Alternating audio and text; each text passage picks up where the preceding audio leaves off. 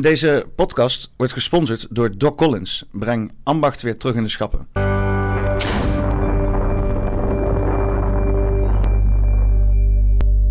Zo, daar zijn we dan. Uh, poppenkast nummer 136. En uh, vandaag zit ik hier met Michel Rijenga.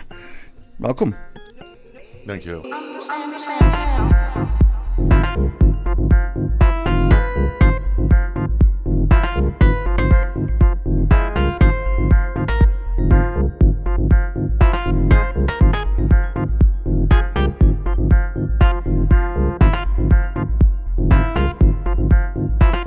Ehm, we hebben elkaar al eerder, eerder ontmoet. Uh, ik ging toen schakelen voor, uh, voor, voor Erik in Bergendal. En, en, voor jou was, was een, een opname over. waar ging de opnames ook weer over? Over andere technologieën dan ah, ja, alleen maar iPhone. Ja, inderdaad. Ja. Nog, nog reactie gehad op die video? En, uh, persoonlijk wel. Uh, ik weet niet of het bedrijfsmatig voor hun niets opgeleverd heeft. Maar voor Wilmer en Erik dan in dit geval. Maar ja, mensen vonden het heel interessant om... ja, we weten allemaal hoe we gevolgd worden door Big Tech. En dus mensen waren wel heel nieuwsgierig ja, wat, wat de resultaten daarvan zijn. Maar ja, die kon ik nog niet aantonen. Nee. Want uh, ik krijg een telefoon van Erik en die zou ik na de zomervakantie krijgen. En het is net zomervakantie af. Dus nog heel even wachten. Ja, ik moet het nog even ondervinden. Maar uh, de reacties waren wel goed, dat zeker. Ik ben erachter gekomen. Weet je wie er ook in Bergendal woont? Geen idee. Rob Jetten. Rob Jetten? oh, ja, nee, daar hoef ik niet bij op visite. nee, ja, ja, iemand, iemand zei dat laatst. Uh, ik weet het niet. Het zal, ja, het zal, het zal, het zal ik weet het niet. Ik vind het op een of andere manier uh, typisch dat hij, daar, uh, dat hij daar woont.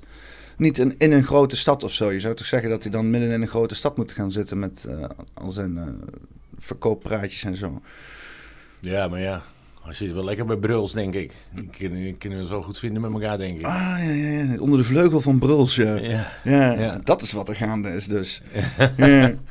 Maar Bruls, die, want burgemeester is ook wat, hè? Dat wordt allemaal toegewezen door de koning en zo. Ja. Zit daar dan in Nijmegen daar gewoon eigenlijk een soort van uh, uh, koningsgezinde uh, satellietmonarch in die stad? Is dat een beetje wat, wat, zo'n burgemeester is? Ja, ik, ik, weet niet of je dat koningsgezind moet noemen. Ik ben dat in ieder geval niet. En, en, maar ik ben wel voor gekozen burgemeesters. Of wij zijn voor gekozen burgemeesters. In plaats van toewijzen van de koning. Uh, ja, want ja. Uh, dat is natuurlijk allemaal. Kijk, de, de vrouw van de koning is uh, World Economic Forum aanhanger. En je kan me niet wijsmaken dat die twee niet praten met elkaar. Dus die praten toch over het leven met elkaar. Ja. En, en, dan gaat uh, onze koning een, een, een, burgemeester aanwijzen. En, en, in Amsterdam hebben we ook zo'n zo'n wefpuppet in, uh, in de rond te lopen. Ah, dan, dan heet het over Maxima natuurlijk. Ik dacht even dat je het had over de vrouw van Bruls. Nee, nee, nee, nee, ik heb het even over uh, Maxima. Maxima en, in Amsterdam heb ik het over Halsema. En, en, en dus dan, dan uh, het is gewoon niet democratisch, democratisch om, om de koning, maar alle burgemeesters. Uh, dus uh, we moeten de democratie uh, terughalen naar Nederland. alles wordt over ons bepaald. En dus wij zijn zeker voor een gekozen burgemeester. Ja, ja want je, je bent lijsttrekker van Samen voor Nederland, toch? Als ik het goed heb. Ja, dat klopt. Ja. Samen voor Nederland. Want Samen voor Nederland, hoe zijn jullie op die naam gekomen? Hoe zijn we op de naam gekomen? Um, ik ben uh, een paar jaar geleden uh, protestorganisatie Nederland in Verzet begonnen. Demonstraties uh, tegen het beleid van kabinet Rutte. Al heel snel kreeg ik de stempel op mijn hoofd, corona-wappie. Hm. Nou, om te beginnen ben ik niet wappie, ik ben wakker.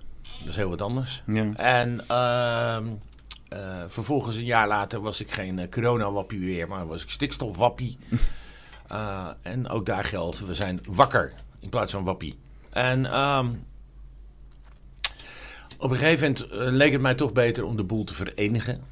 Uh, er waren zoveel protestorganisaties. Uh, en toen ben ik in gesprek gegaan met onder andere Police for Freedom, Vrouw voor Vrijheid. nou, noem maar op. Uiteindelijk kwamen we uit op 84 organisaties maximaal. Zo. En dat noemden we Samen voor Nederland. Oké. En ik heb de website naam daar vastgelegd en, en, alle ins en outs daarvoor geregeld. De kracht lag hem voornamelijk dat ik de eerste mensen die ik benaderde voor de samenwerking, die vond ik echt niet aardig. Maar uh, juist omdat ik eerst de niet aardige benaderde en de, aardige later pas, dacht men iedereen, oh hij meent dat echt. En dat klopt ook. We hebben echt uh, ruim een jaar echt een hele mooie samenwerking neergezet. Alleen op een gegeven moment stortte het uh, verzet op straat, het demonstreren op straat gewoon in. Wat zijn niet aardige organisaties? Ja, ik kan jou aardig vinden en kan jou niet aardig vinden. En het heeft niet... Uh... Ja, niet, niet zozeer om ze uit te noemen wie, wie, welke het zijn, zeg maar. Maar wat definieert voor jou, zeg maar, als een niet aardige organisatie? Ja, met de ene partij kan ik beter werken dan de andere partij. Met de ene partij uh, wil ik koffie drinken en de andere partij denk ik, uh, kom niet in mijn aura. Oh, dus je had, zeg maar, de, de, de partij uitgezocht die het minst met jou resoneerde, zeg maar. Ja. En dat je daarvoor, daar begin ik... Ja, mijn eerste twee gesprekken en de eerste twee mensen die ook binnenkwamen binnen het concept van Samen voor Nederland want het heette dan ook Samen voor Nederland. Ja. Um, waren de mensen waar ik echt helemaal niks mee heb. Ja. En door zo te starten ging het makkelijker om de rest ook te overtuigen. Ja, slimme tactiek op zich. Ja. Nou, als je het meeste energie nog hebt, dan de lastige, lastige mensen, of de mensen die het minst, minst makkelijk kan binnentrekken, ja. meteen mee beginnen. Ja. Nee, goed. En dus na, na, een jaar is het hele concept eh, demonstreren op straat uh, met Samen voor Nederland dan wel uit. We de eerste keer hadden we 77.000 man op 5 september. Op 3 oktober hadden we er nog 40.000. En op een gegeven moment zie je dat toch teruglopen. En of dat nou aan de motivatie van de mens ligt. Of aan het feit dat iedereen beu was om kapot geslagen te worden door de, door de ME. Dat, uh, zullen we, daar zullen we waarschijnlijk nooit achter komen. Maar in ieder geval, het verzet liep terug. Je ziet ook niet echt resultaat, zeg maar. Je gaat protesteren en dan wordt toch weer wetgeving doorgedrukt. En dan, ja. dan vraag je op een gegeven moment, denk ik, toch af van wat ben ik aan doen hier. Ja, maar in andere landen blijven ze gewoon wekelijks terugkomen of maandelijks terugkomen. En dan op een gegeven moment is het toch buigen of borsten voor een overheid. Maar hier, hier, niet. Heb je voorbeelden van uh, succesvolle demonstraties in het buitenland die echt hebben geleid tot uh, verandering in wetgeving? Nou, uh, Frankrijk protesteert gewoon echt elke week. En of het nou nut gehad heeft of niet. Maar de onvrede is in ieder geval wel kenbaar. Waardoor de, de, de, oppositie ook weet, ja, we moeten deze mensen ook iets bieden. Um, in Zuid-Amerika is het demonstreren natuurlijk helemaal gigantisch. Want die draaien hun hand niet om om morgenochtend voor 100.000 man de straat op te gaan. Terwijl bij ons de vlaggen uitgaan als we überhaupt de helft halen. En um, dus, dus uh, het, het, demonstreren heeft echt wel zin om aandacht te vragen voor het probleem. Uh, maar uh, inmiddels is het, het verzet op straat gestopt. En toen op een gegeven moment zat ik in een interview met Ponet. En toen zei hij, ja, als, als dit het is, blijf je dit dan doen? Ik zei, nee, want ik ga niet met duizend mensen voor schut lopen door, uh, door Nederland. Uh, hier in de buurt, vlak om de hoek, hebben we Nijmegen nog gedaan. Ja, dan loop je met 3000 man door Nijmegen. Ik, dat, ik vind dat geen indruk maken. Nee. En um, toen zei ik, ja, en anders moet ik maar de politiek in. Uh, en dan gaan we van binnenuit infiltreren. En ehm, ja, dat heeft een halfjaartje gedobberd. En uiteindelijk is dat toch het uh, eindresultaat geworden. Maar omdat de naam Samen voor Nederland toch een, een gevestigd iets was. Um, wat bekendheid uh, uh, heeft ontwikkeld, ook in de pers. Um, heb ik toch besloten in overleg met meerdere van laten we op die naam doorborduren. En dus er is nu een protestorganisatie, Samen voor Nederland, helemaal los van de politieke partij, Samen voor Nederland. Maar uh, het leeft beide voort. Ja, want het is wel, neem ik aan, de, uh, hetgeen wat je wil vanuit zo'n protestbeweging, dat het uiteindelijk een politieke beweging wordt, toch? Dat is zeg maar de ideale uitkomst, lijkt mij toch? Ja, maar die intentie en die, die, die, die heb ik nooit gehad. Nee. Uh, ik, heb, ik heb niet uh, mijn leven lang al uh, politieke ambities en laat ik de straat op gaan, want misschien kom ik dan ooit wel de politiek in. sterker nog, ik had er echt geen zin in. Hmm. En ik wil het niet, maar het moet. Dat was het meer. Inmiddels is het wel zo dat je moet niet werken met tegenzin. Want dan is je hele motivatie er niet. Dus we hebben het wel met een mooie grote groep mensen omgedraaid naar positieve energie. En, en op onze manier maken we ervan wat we denken wat we ervan moeten maken. Uh, met, een, met een lach en een traan. Maar ja, het voelt nu wel goed. En we hebben wel het idee dat we ergens gaan komen. Ja, want als je zeg maar al die, um, mensen die je verzameld hebt met Samen voor Nederland... eh, eh, eh, als die allemaal een stem doen op Samen voor Nederland, de politieke partij... dan heb je, dan heb je sowieso al een zetel, toch, volgens mij, of niet? Ja, maar zo makkelijk gaat het niet. Want eh, als je een demonstratieveld neemt, laten we maar het eh, grootste demonstratieveld nemen van eh 5 september 2021, 77.000 man.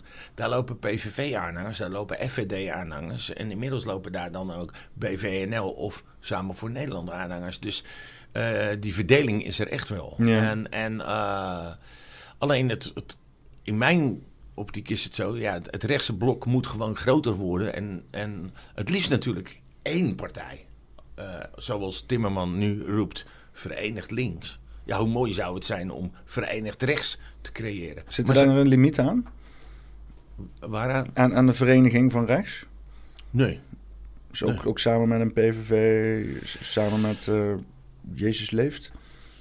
Ja, ik weet niet of Jezus leven rechts is. Maar, eh, ook niet. maar goed, ik vind links en rechts SGP überhaupt al, eh, überhaupt al eh, eh, niet van toepassing. Hm.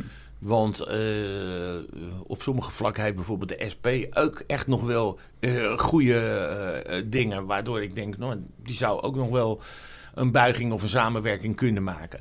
Ehm, maar eh, links en rechts moet je, niet, eh, moet je niet meer willen. Het is een hokjesplaatsen wat, wat zo lekker gecreëerd is door de overheid. En eh, bam, je bent rechts en je bent vaak nog extreem rechts ook.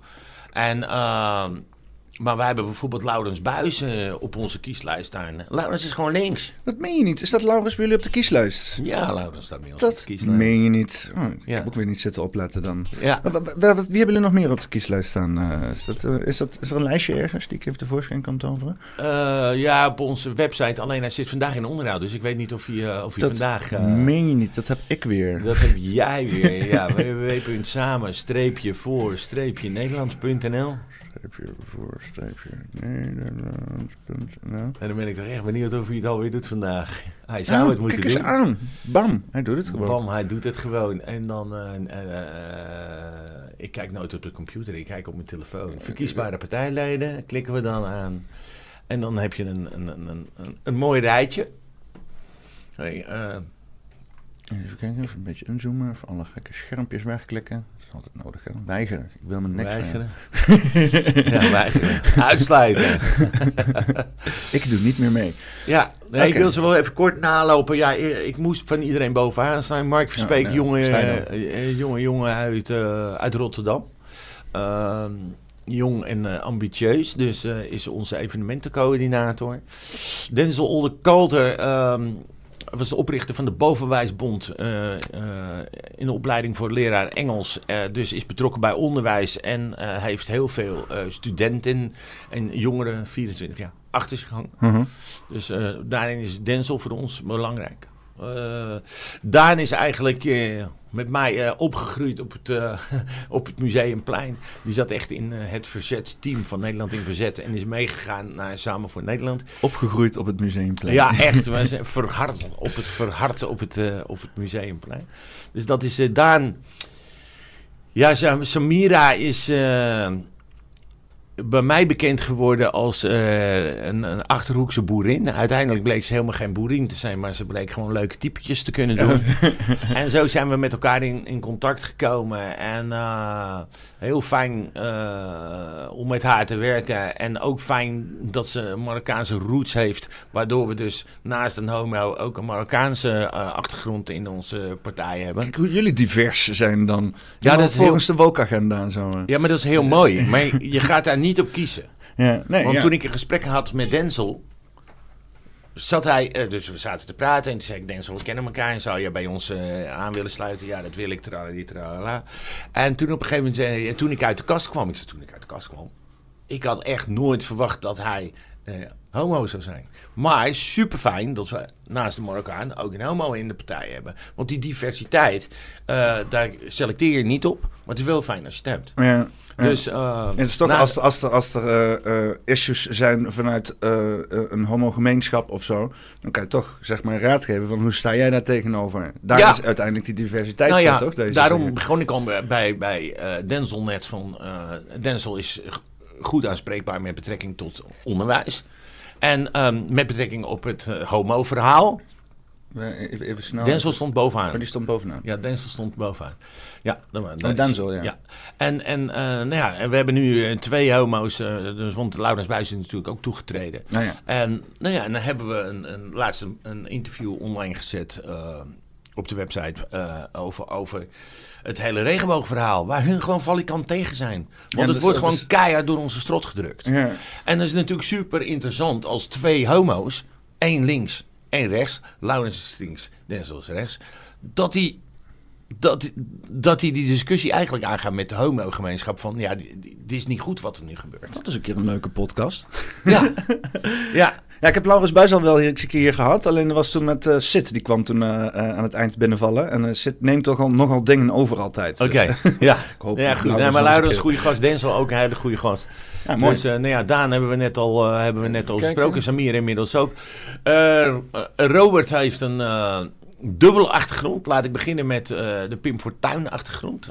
Pim staat ook bij zijn omschrijving beschreven. Hij heeft uh, security gedaan voor uh, Pim en chauffeursdiensten voor Pim gedaan. Dus dat geeft al een beetje zijn richting aan. Is ook actief geweest op de gemeenteraadslijst voor de FVD.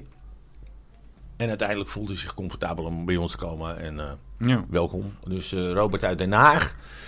Um, Wilmer is ondernemer uit, uh, uit de Achterhoek. Of uit Twente. Uh, ik heb altijd ruzie met de Achterhoek in Twente. Want volgens mij is het één. Maar volgens hun nee, zeker niet. Maar goed. Wilmer komt uit uh, Lichtenvoorde. Ondernemer. En een van het kernteam.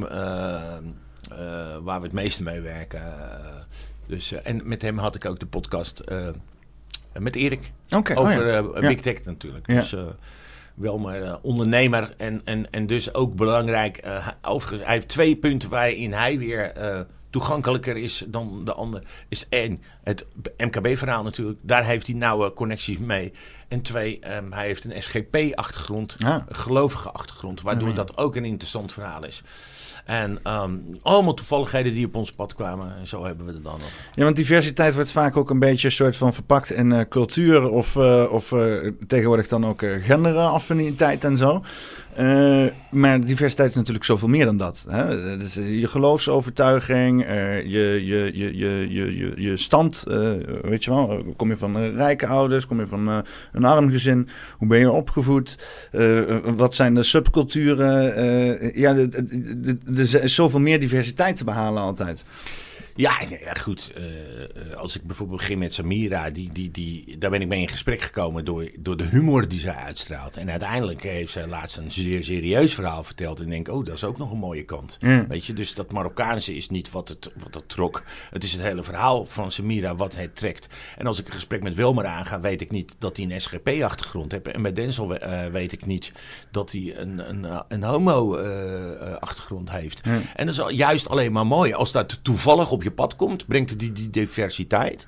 En, uh, uh, ja, als je, bijvoorbeeld kijkt naar een, we, als je kijkt naar een SGP of een ChristenUnie of zo, zijn dan misschien zitten daar wat uh, esthetische diversiteit in, met z'n allemaal christenen. Ja, dat, ja maar dat, dat, dat, moet niet kunnen. Ja. Dat moet niet kunnen, want dan is het voor mij bijna een secte. Ja, ja inderdaad. Ja. Dat moet je niet willen. Nee, inderdaad. Nou. Dus dat, uh, dat was Wilmer. Uh, Natalie is uh, nog niet zo heel lang bij ons op de kieslijst, maar komt ook uit de koker van Samira, Achterhoek. En uh, hij is als specialisatie um, zowel rechten als uh, woning, uh, woningbeleid. Ja, kijk. Dus uh, daar gaan we in de toekomst veel. Je gaat Hugo de Jonge vervangen. Die moet eigenlijk wel Hugo de Jonge vervangen. Dat is wel en, en het liefst zo snel mogelijk. Ja, inderdaad. hoe sneller, hoe beter. Dus dat is, dat is Nathalie. Mandy is het schoonzusje van Samira. En Mandy beheert onze promotieshop. Um, vroeger noemden we dat een webshop. Maar een webshop levert uh, nog wel eens wat geld op. En een promotieshop, dat kost alleen maar geld. Ja. Maar onze promotieartikelen staan daar of gratis of voor zo goed als niks. Uh, omdat de boodschap die wij uitbrengen moet gewoon de straat op stickers, flyers, posters. En dus die kan je kosteloos bestellen. En uh, Mandy heeft uh, op dit moment uh, de shop onder beheer en verstuurt alles. Dus okay. dat is ook een belangrijke taak. Want... Ben je dol op stickers? Ga naar de promotieshop. Ja, samen voor ja, we stellen gratis stickers. dus dat is Mandy. even kijken. Dan komen we bij Alicia. Uh, Alicia is een van onze lijstduwers, of in haar geval lijstduwster. Als we dat maar even zo mogen noemen. Alicia die stond ook veel op het museumplein, uh, activistisch en uh, natuurlijk, Mies wil ik jou steunen. En, dus zij heeft een, groter social media bereik, ja. waardoor het weer interessant is om haar lijst duur te maken. Ja. Alicia en de jongste uit de club, 20 jaar. Dus ook niet geheel niet oninteressant, omdat ja, het is gewoon belangrijk om uh, in ons geval van 20 tot 77 op de lijst hebben. We, we, willen. En ik heb niet gezocht. Maar je komt tegen. Dat is echt bizar. Ja. Ik denk niet, oh, dat is een leuke meid van 20, die moeten we hebben. Nee, uh, we kennen elkaar uit het gespet, verzet. En, en dan zou je wat willen betekenen. En de een zegt, ik wil hoog op de lijst. En de ander zegt, ik wil uh, administratief. En in haar geval, lijstduwer, uh, duwster. Dus, uh, nou, nee. In het kader van emancipatie kan het allebei, hè? Alicia, ja. Uh, Marco Eibe. Ja, Marco en ik. Marco is een ras Amsterdammer die woonachtig is in Zeeland. Um, Aardenburg. En um, ja, Marco en ik zijn gewoon privé ook bevriend. En, en ja, iedereen zegt altijd, Missie, jij hebt een grote bek. Maar Marco die wint het echt. En uh, dus uh, hij zei, ja, zodra jij iets zal starten, dan tik ik aan. En uh, Marco is ook verkiesbaar bij ons samen voor Nederland. Okay. Heel leuk. Ja, Joop, Amsterdammer. het pakje wat hij draagt, zegt het al, veteraan. Nou, hij heeft bij de luchtmacht gezeten. de, de, de, de de trollen beweren dan alweer van deze man heeft geen recht op dit pakje. Maar tot en met zijn dienstnummer aan toe heeft hij gepubliceerd om aan te tonen dat hij echt wel uh, gediend heeft. En 77 jaar, uh, ongelooflijk wakker, knijterhard richting alle tegenpartijen. De een doet het op, op, soft, en, maar hij doet het echt knijterhard. En ik wil de Tweede Kamer in om ze daar wel even te vertellen hoe het, hoe het leven ervoor staat. Ja, dat is natuurlijk van 77 jaar geweldig. Ja. Nog steeds uh, uh, hardwerkend uh, op zijn leeftijd. van vijf uur s ochtends tot tien uur s ochtends heeft hij vijf dagen in de week gewoon nog werk. Non En dan nog de Tweede Kamer in willen. Dus ik heb echt niet normaal veel respect voor ja, deze Meer levensenergie als menig jeugd dan tegenwoordig. Ja. Inclusief ik. ja. ja, dus dat is Joop. Ja, even kijken. Uh, uh, Marvin is lijst duwer, ook verkiesbaar voor uh, Samen voor Nederland. Moet zijn tekst nog aanleveren, maar heeft, was heeft op... nog geen verhaal. nee, niet iedereen, want we hebben een aantal nog niet zo heel lang erop staan. Maar Marvin um, was eerst met zijn kinderen op vakantie, in de grote vakantie. Mm. En toen kwam hij terug, toen was hij ziek. Ja. Dus ja, tekst aanleveren is dan even lastig, maar dat, dat komt goed. Melissa is de vrouw van Mark. Mark hebben we al eerder behandeld uit Rotterdam. De jonge gast is getrouwd. Melissa is getrouwd met Mark. En toen Mark heel aanstekelijk werd thuis, toen dacht Melissa, ja, maar dat wil ik ook. Ja. Dus uh, Melissa begeert uh, de ledenpassen. Als jij lid wordt, 15 euro per jaar. Het is een geweldig uh, bedrag, maar 15 euro per jaar zijn we een van de goedkoopste partijen van Nederland. Stoverzien. Ja.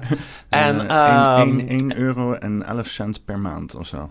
en, en, ja, nee, uh, wat was het? 39 cent per week geloof ik. Daar, oh, ja, ja, ja. daar kwamen we geloof ik op uit. 29 cent per week, 39 cent. Kijk. Maar goed. Melissa die, die krijgt van het bedrijf de pasjes opgestuurd. Melissa zorgt dat er een mooie brief bij zit. Postzegeltje erop, pasje erin en go. En dat is de taak uh, van Melissa en is ook verkiesbaar. Dus, en ik zie daar al het woordje tussen haakjes liefde bij haar erbij staan. En uh, ja, dat, dat straalt ze ook uit. Een lief, lief mens, lief persoon. En fijn dat ze in ons team zit. Ja, ja leuk. Ja, wat ik hier zie is zeg maar gewoon een hele hechte groep mensen. Wat, wat volgens mij vrij uniek is. Hè? Meestal in de... Want je ziet het nu ook met BBB en uh, Omtzigt. En zelfs ook wel een beetje bij BVNL. Dat het een beetje bij elkaar geraapt wordt. Zo van, uh, oké. En wat mensen die overstappen. En dan in één keer, uh, weet je wel, echt weer typische politieke dingen gaan doen. Uh, en nou ja, dat dan de terzijde. Als je dan kijkt naar de gevestigde partijen, ja, dat is helemaal een grote zee aan belangen die niet meer te overzien zijn. Maar één ding weet je zeker, die mensen hebben niks met elkaar. Uh, dat zijn, die, die steken elkaar nog liever een mes in de rug dan dat ze gaan lopen samenwerken voor het grote belang, volgens mij. Uh, en als ik dit zo hoor, hè, mensen die elkaar kennen, mensen die volgens mij op elkaar kunnen bouwen, al een rijke geschiedenis hebben in andere situaties. Nee, volgens mij echt een hele echte groep mensen zo. Of, of ja, het is heel goed dat jij dat zegt, want dan hoef ik het niet te zeggen. Kijk, um, Inderdaad, eh, je kan een partij beginnen met een uh, bij elkaar geraapt zootje of een bij elkaar gekocht zootje. Want uh, zo werkt het helaas. Ja. Maar ehm, ik hoef geen organisatie in mijn partij die een ton op tafel legt en dan positie 3 op de kieslijst krijgt.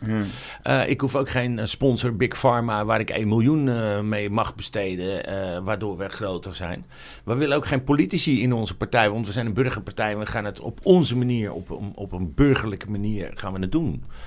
En, um, en wij overleggen ook gewoon van, uh, uh, is deze persoon wel of niet geschikt? En past dit wel in het team? En de een past beter dan de ander. Maar um, we hebben er pas eigenlijk één uh, tot nu toe dat we zeiden, nou dat kunnen we beter niet doen. En, maar voor de rest, ja, het, zijn, het is echt een mooie groep burgers. En wij vergaderen met een lach op ons gezicht, terwijl het echt serieuze onderwerpen zijn. Ja. Maar... Um, ik, ik, ik vind ook dat we moeten lachen tijdens de vergadering. Ja. Want uh, die, die hele Haagse shit is al veel te serieus. En je zou dat echt heel anders kunnen doen. Want als wij gaan vergaderen zoals ze in Den Haag vergaderen, dan slaan we binnenkort ook elkaar de pan in. En uh, het is niet voor niks dat ze het aantal uh, leden in de Tweede Kamer uit willen breiden, omdat ze zo overspannen zijn. Nee, ze moeten iets normaler met elkaar omgaan. Want de Tweede Kamer is een voorbeeld voor de samenleving, of zou een voorbeeld voor de samenleving moeten zijn.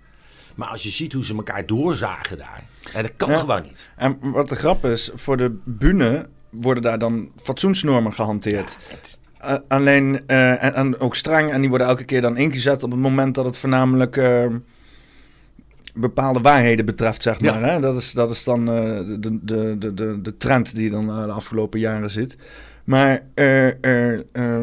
kan je niet ook gewoon zoals ik het zie, is laat gewoon lekker die regels los en ga daar gewoon een gesprek aan. Want wat je dus ook niet ziet, is gewoon debatten daar. Weet je, mensen die debatteren daar niks, die zitten alleen maar te profileren en eh, te laten zien hoe hun partijprogramma uh, uh, in elkaar zit.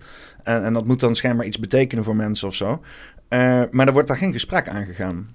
Nee, denk, denk ik, dat vond, ik, vond, ik, vond, de politiek vroeger al niks. Hm. Maar vanaf dat uh, Rutte aan de macht gekomen is... En, en, en als je kijkt van hoe was het uh, 15 jaar geleden...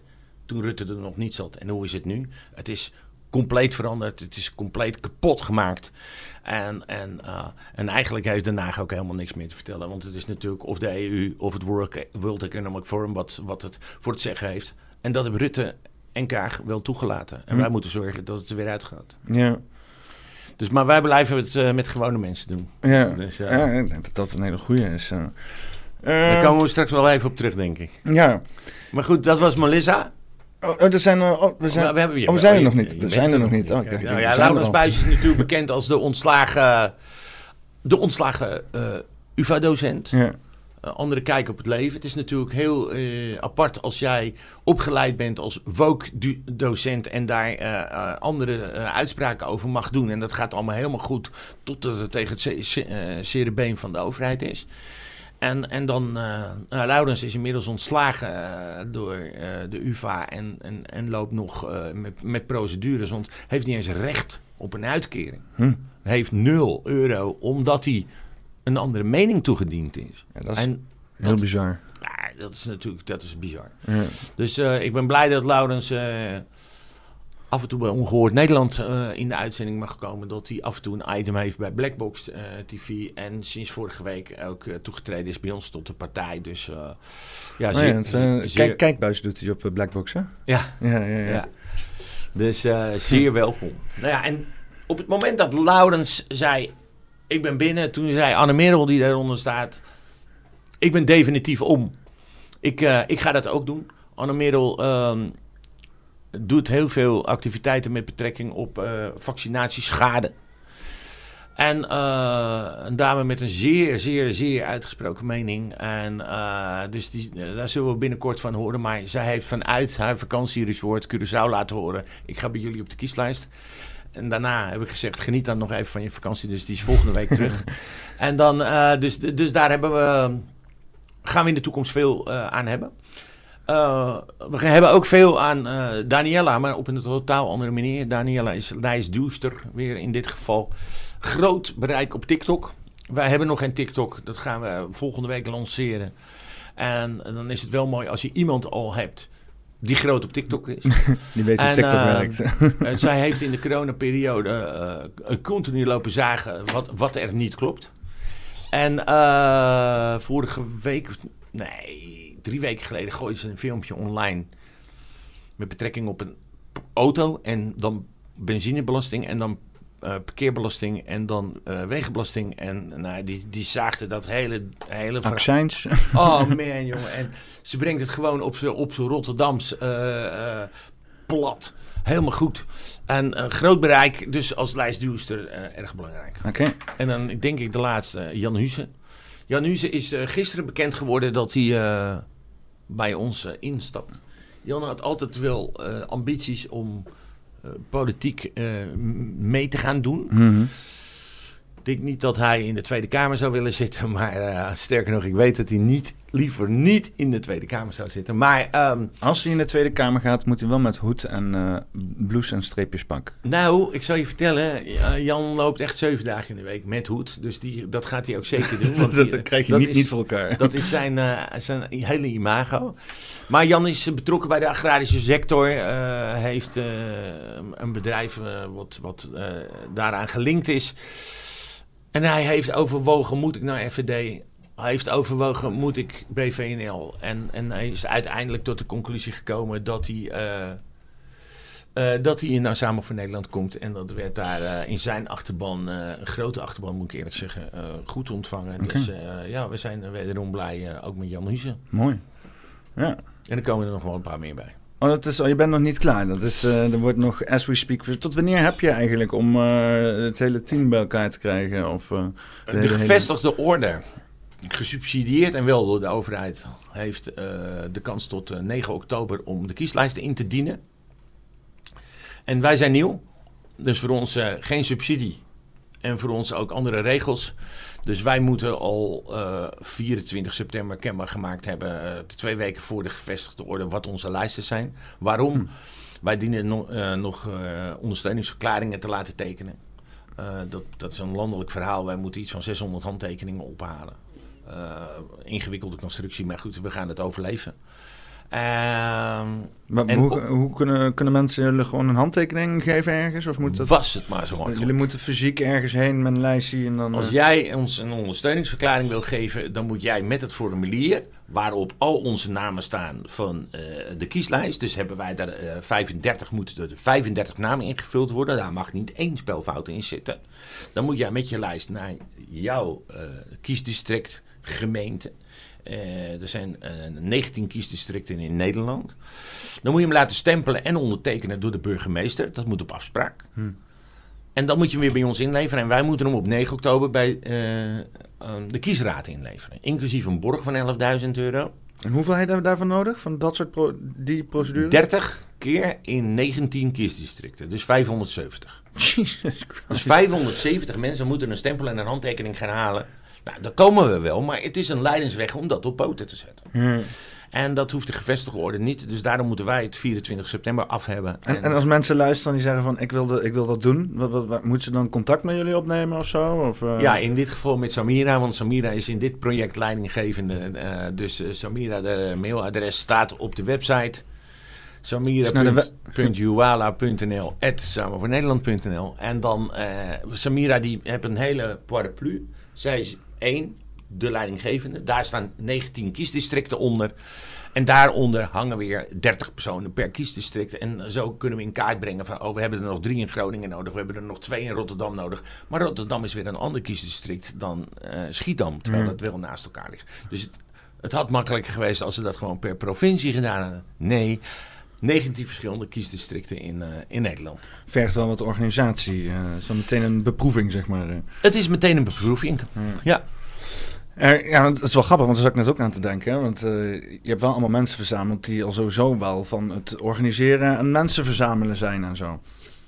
Ja, we zijn sowieso wel van mensen verzamelen en organiseren. Alleen is het wel zo dat wij doen het allemaal op vrijwillige basis. Hm.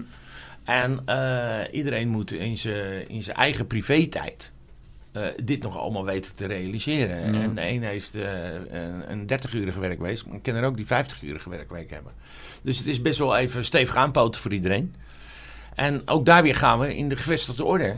Die hebben daar gewoon hele marketingbureaus voor ingehuurd. En, wel, uh, de, en als we even het verschil aanduiden. Wij hopen deze verkiezingen te overleven met een budget van 100.000 euro. Wat we nog binnen moeten halen. Ja. Terwijl de VVD gesponsord en wel van jou en mijn belastinggeld 5 miljoen uitgegeven. D66 ook 5 miljoen. En dat is natuurlijk wel even een, een heel groot en wrang uh, verschil. Dat is wel apart inderdaad. Ja. Dat zijn geen gelijke speel. En dan willen ze ook nog een kiesdrempel. Eh, of zo'n D60 wil ook nog een kiesdrempel erin gooien. Dan is het helemaal niet meer mogelijk om met nieuwe partijen binnen te treden. Nee, dat, en dat, dat geeft al aan dat men uh, het gebied af wil bakenen. Ja, dat is nog niet verstandig. En, en uh, wat mij betreft mogen we het hele systeem politiek in Nederland omgooien. Ik persoonlijk, dat is mijn persoonlijke mening, heb ik meer voor het systeem uh, uit Amerika. Dat je gaat trechteren en dat je in vier jaar tijd van in ons geval 100 politieke partijen afbouwt. En dat het uiteindelijk dat je naar een trechter komt en dat je aan het einde voor twee of vier partijen kan kiezen van wat, wie, gaat het, wie gaat het beleid bepalen. Ja. Maar ondanks dat wij weer een nieuwe politieke partij. Er zijn er echt veel en veel te veel. Er zijn er hoeveel? 65 of 68 eh, partijen die zich hebben aangemeld in elk geval? Oh, ik weet eerlijk gezegd niet hoeveel er aangemeld hebben. Ik weet in ieder geval wel dat er uh, iets meer dan 90 partijen zijn. Dat betekent niet dat ze zich allemaal aangemeld hebben. Maar dat is, dat is al te veel. Dus ik zou het liever in een trechter gooien. Want stel nou, Samen voor Nederland is niet groot genoeg en wij vallen in de voorronde af. Dan kunnen wij zeggen wij ondersteunen BVNL. En als BVNL afvalt, dan zou BVNL kunnen zeggen: wij ondersteunen FVD, ik noem maar even. Ja, ja. En, en dat is de concentratie die plaatsvindt in Amerika. En ik, ik zie daar zelf veel meer in, omdat ik denk dan dat je aan het einde van de streep een eerlijkere winnaar uit de, uit de bus krijgt. Maar goed, zover zijn we nog lang niet. Laten we maar eens zorgen dat we binnenkomen. Ja, inderdaad. Ja, want uh, uh, uh, ja, jullie zitten dan een beetje zoals jij dan zegt, aan de rechterkant van het spectrum, denk ik. En dat denk ik voornamelijk omdat je afzet tegen alles wat links is, zeg maar. En niet zozeer omdat dat, dat het rechts... Zijn jullie echt een conservatieve partij? Het leuke is dat jij precies uitspreekt van hoe wij neergezet worden. Terwijl dat eigenlijk niet zo is. Ik denk eigenlijk dat wij een van de weinige echte middenpartijen zijn. En er zijn al heel veel mensen die dat tegen mij gezegd hebben. Jezus, jij bent linkser dan, dan ik verwacht. Nou, als iemand aan mij zegt, ben je links, had ik nooit verwacht dat ik dat zou kunnen beamen. Maar ik ben uh, laatst door een uh, televisieomroep benaderd voor een commercial. En toen vroeg hij naar wat verkiezingspunten. Dus ik begon, uh, voedselbanken. Dat moet opgelost worden. OV moet goedkoper. Ehm, de, de zorg moet verbeteren. De woningmarkt. en toen op een gegeven moment begon ik dus over van... ja, en, en we moeten de EU uit.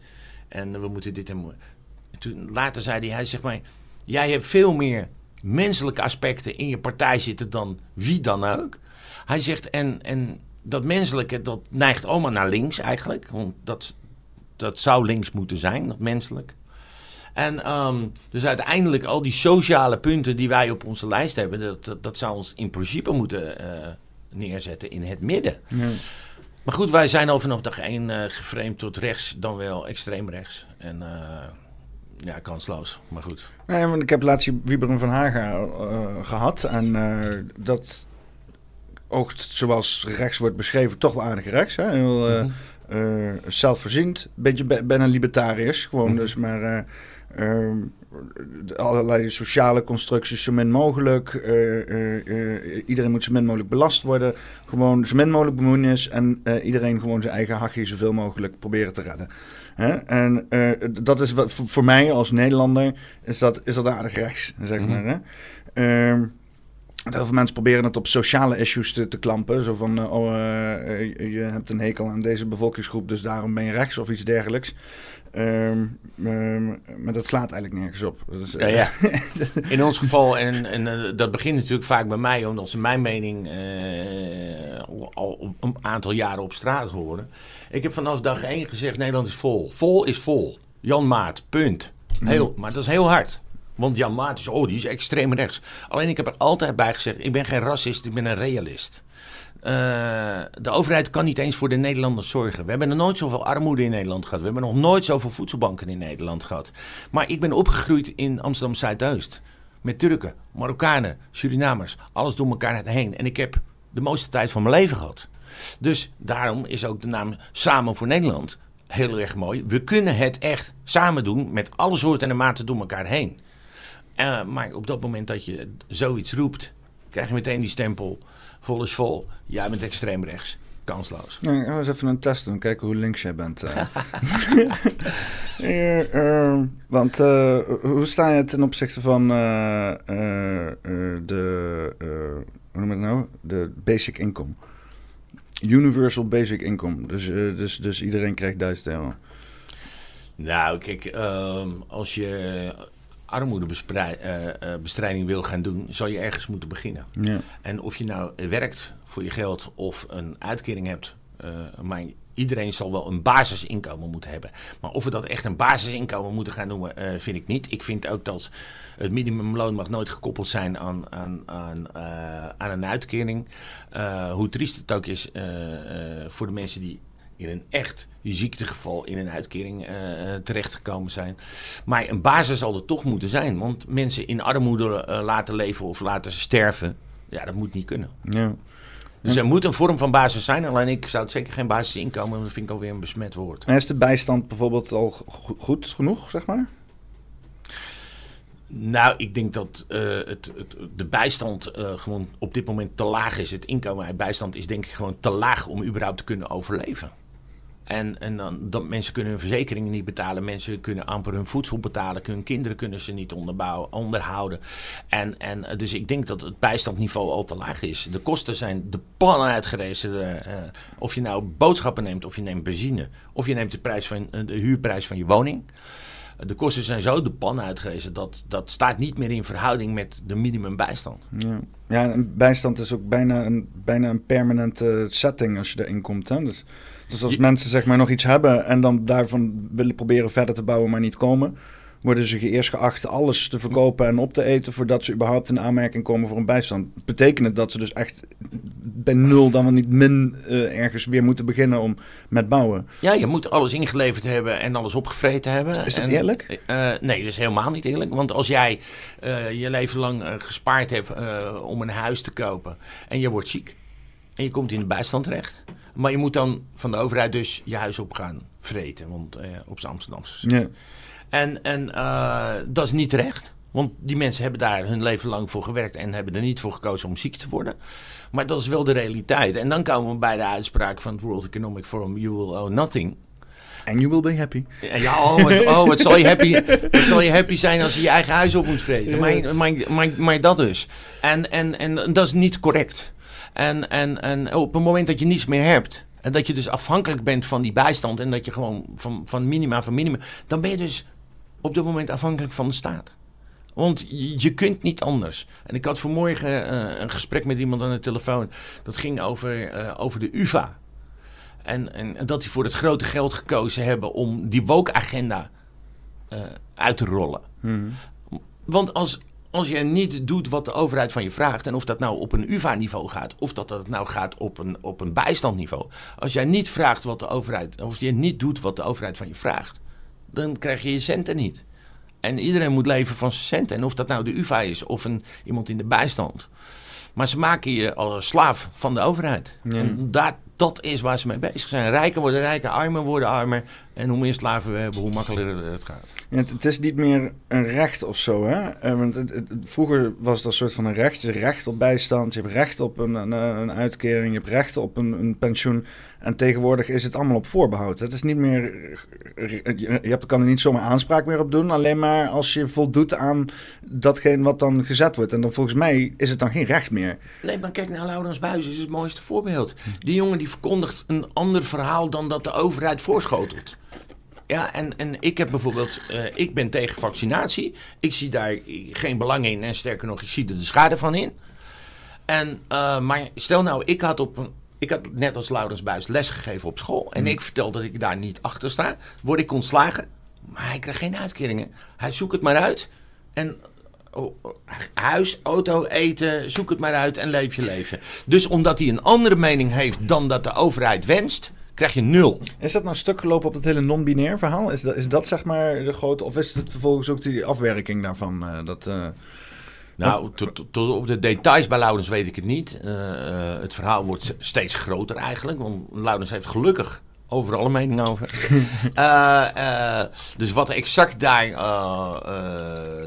de definitieve klap van geweest is, dat, dat weet ik niet. Maar het is gewoon krankzinnig. dat als jij je mening uitspreekt. Ja, want weet je wat het is? Want hij heeft ook gewoon nog eens een keer keihard gelijk. Ja. Uh, uh, want hij zegt, zoals, zoals hij dat hier presenteerde toen, dat non-binair. Ehm, ja, eigenlijk gewoon niet thuis hoort in de genderdiscussie.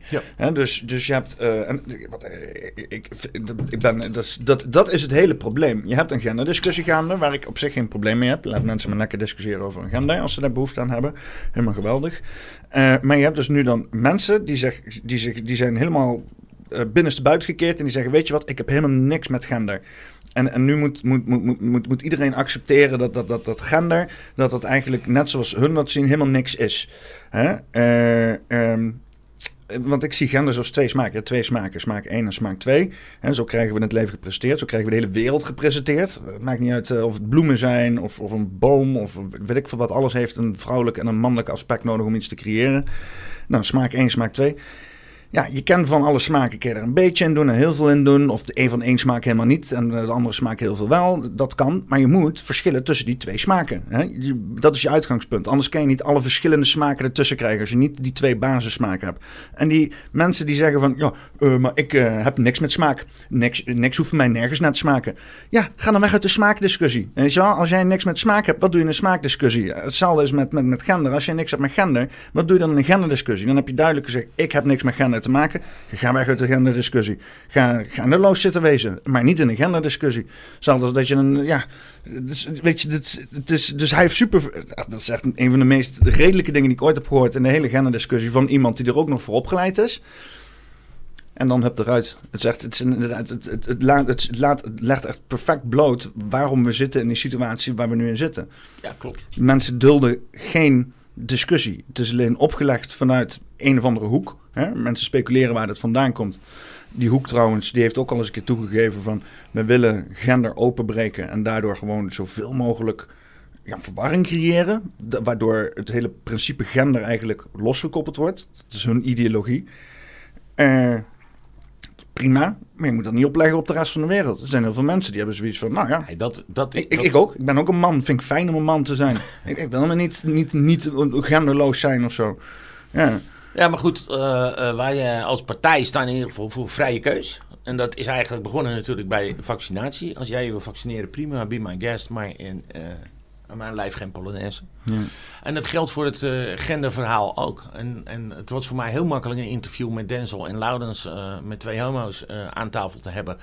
Omdat um, ik heb zelf een, aantal jaren meegevaren met mijn eigen commerciële boot bij, bij de Gay Pride. En ik vind geweldige mensen, ik vind, vond een geweldige dag en ik heb, ik heb genoten. Nu wil ik er niet meer door al die regenboogvlaggen die overal uh, hangen. En bankjes en zebrapaarden en stickers en boeken en weet ik veel. Ik wil er niet meer mee geassocieerd worden. Alke, ik, het was een van de duurste dagen van het jaar uh, om zo'n boot te laten varen. En ook al had ik hem gratis gekregen, ik stap er niet meer op. En het wordt zo door je strot geduwd. En dat was ook het gesprek met, met um, Laurens en, en Denzel. Eh, de laatste keer voor mij was geloof ik 2017 dat ik meegevaren heb. En eigenlijk is de acceptatie van homo's alleen maar achteruit gegaan. Mhm. En dus doordat het zo door de strot geduwd wordt, ze hebben er last van. Die jongens hebben ook gewoon gezegd, we hebben er last van. En ik heb namelijk niks aan als iemand zich wil transformeren of, of, of whatever. Be my guest. Hetzelfde. Of je transformeert of vaccineert. Als jij dat wil, prima. Maar niet in mijn face.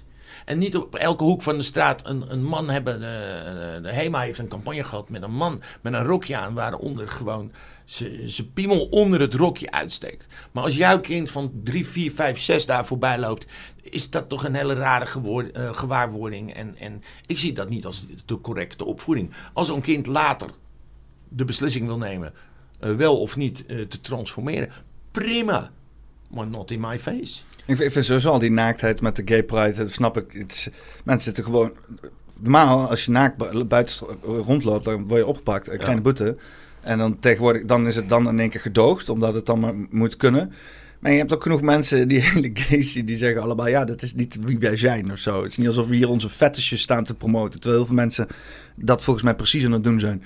Ja, nou ja, de Gay Pride is natuurlijk wel een extreme dag. is al jaar en dag een extreme dag. De discussie gaat al jaar, uh, jaar en dag vooral over de, de leer... Uh, de leernichtenboot, laten we het even zo noemen. Met allemaal in leer en zweepjes. En jij bent hond en ik ben de uitlater en, en, en dat soort dingen. Uh, ik vind dat er wel bepaalde grenzen zijn. Omdat ook dat in in het gezichtveld van kinderen. Want het is ook een mooie dag voor, je, voor de jeugd. Dus er zouden echt wel grenzen aangesteld moeten worden. Maar nogmaals, ik ben echt niet tegen iemand die zich wil transformeren. Prima. Maar niet in mijn gezicht. Of misschien nog wel erger, niet in de schoolboeken. Hm. En uh, met de lentekriebels hebben we niet natuurlijk alleen met transitie te maken gehad. Maar ook de introductie in, in, in groep 3, 4, 5 van wat is pijpen. Ja, ik vind dat niet geschikt voor een groep 3, 4, 5. En ik heb zelf dan uh, iemand in mijn omgeving, groep 7 op, op dat moment, die gewoon een siliconenkut op tafel krijgt in de klas bij de juf. En dan mogen ze voelen aan een siliconenkut. Ik vind het niet kunnen.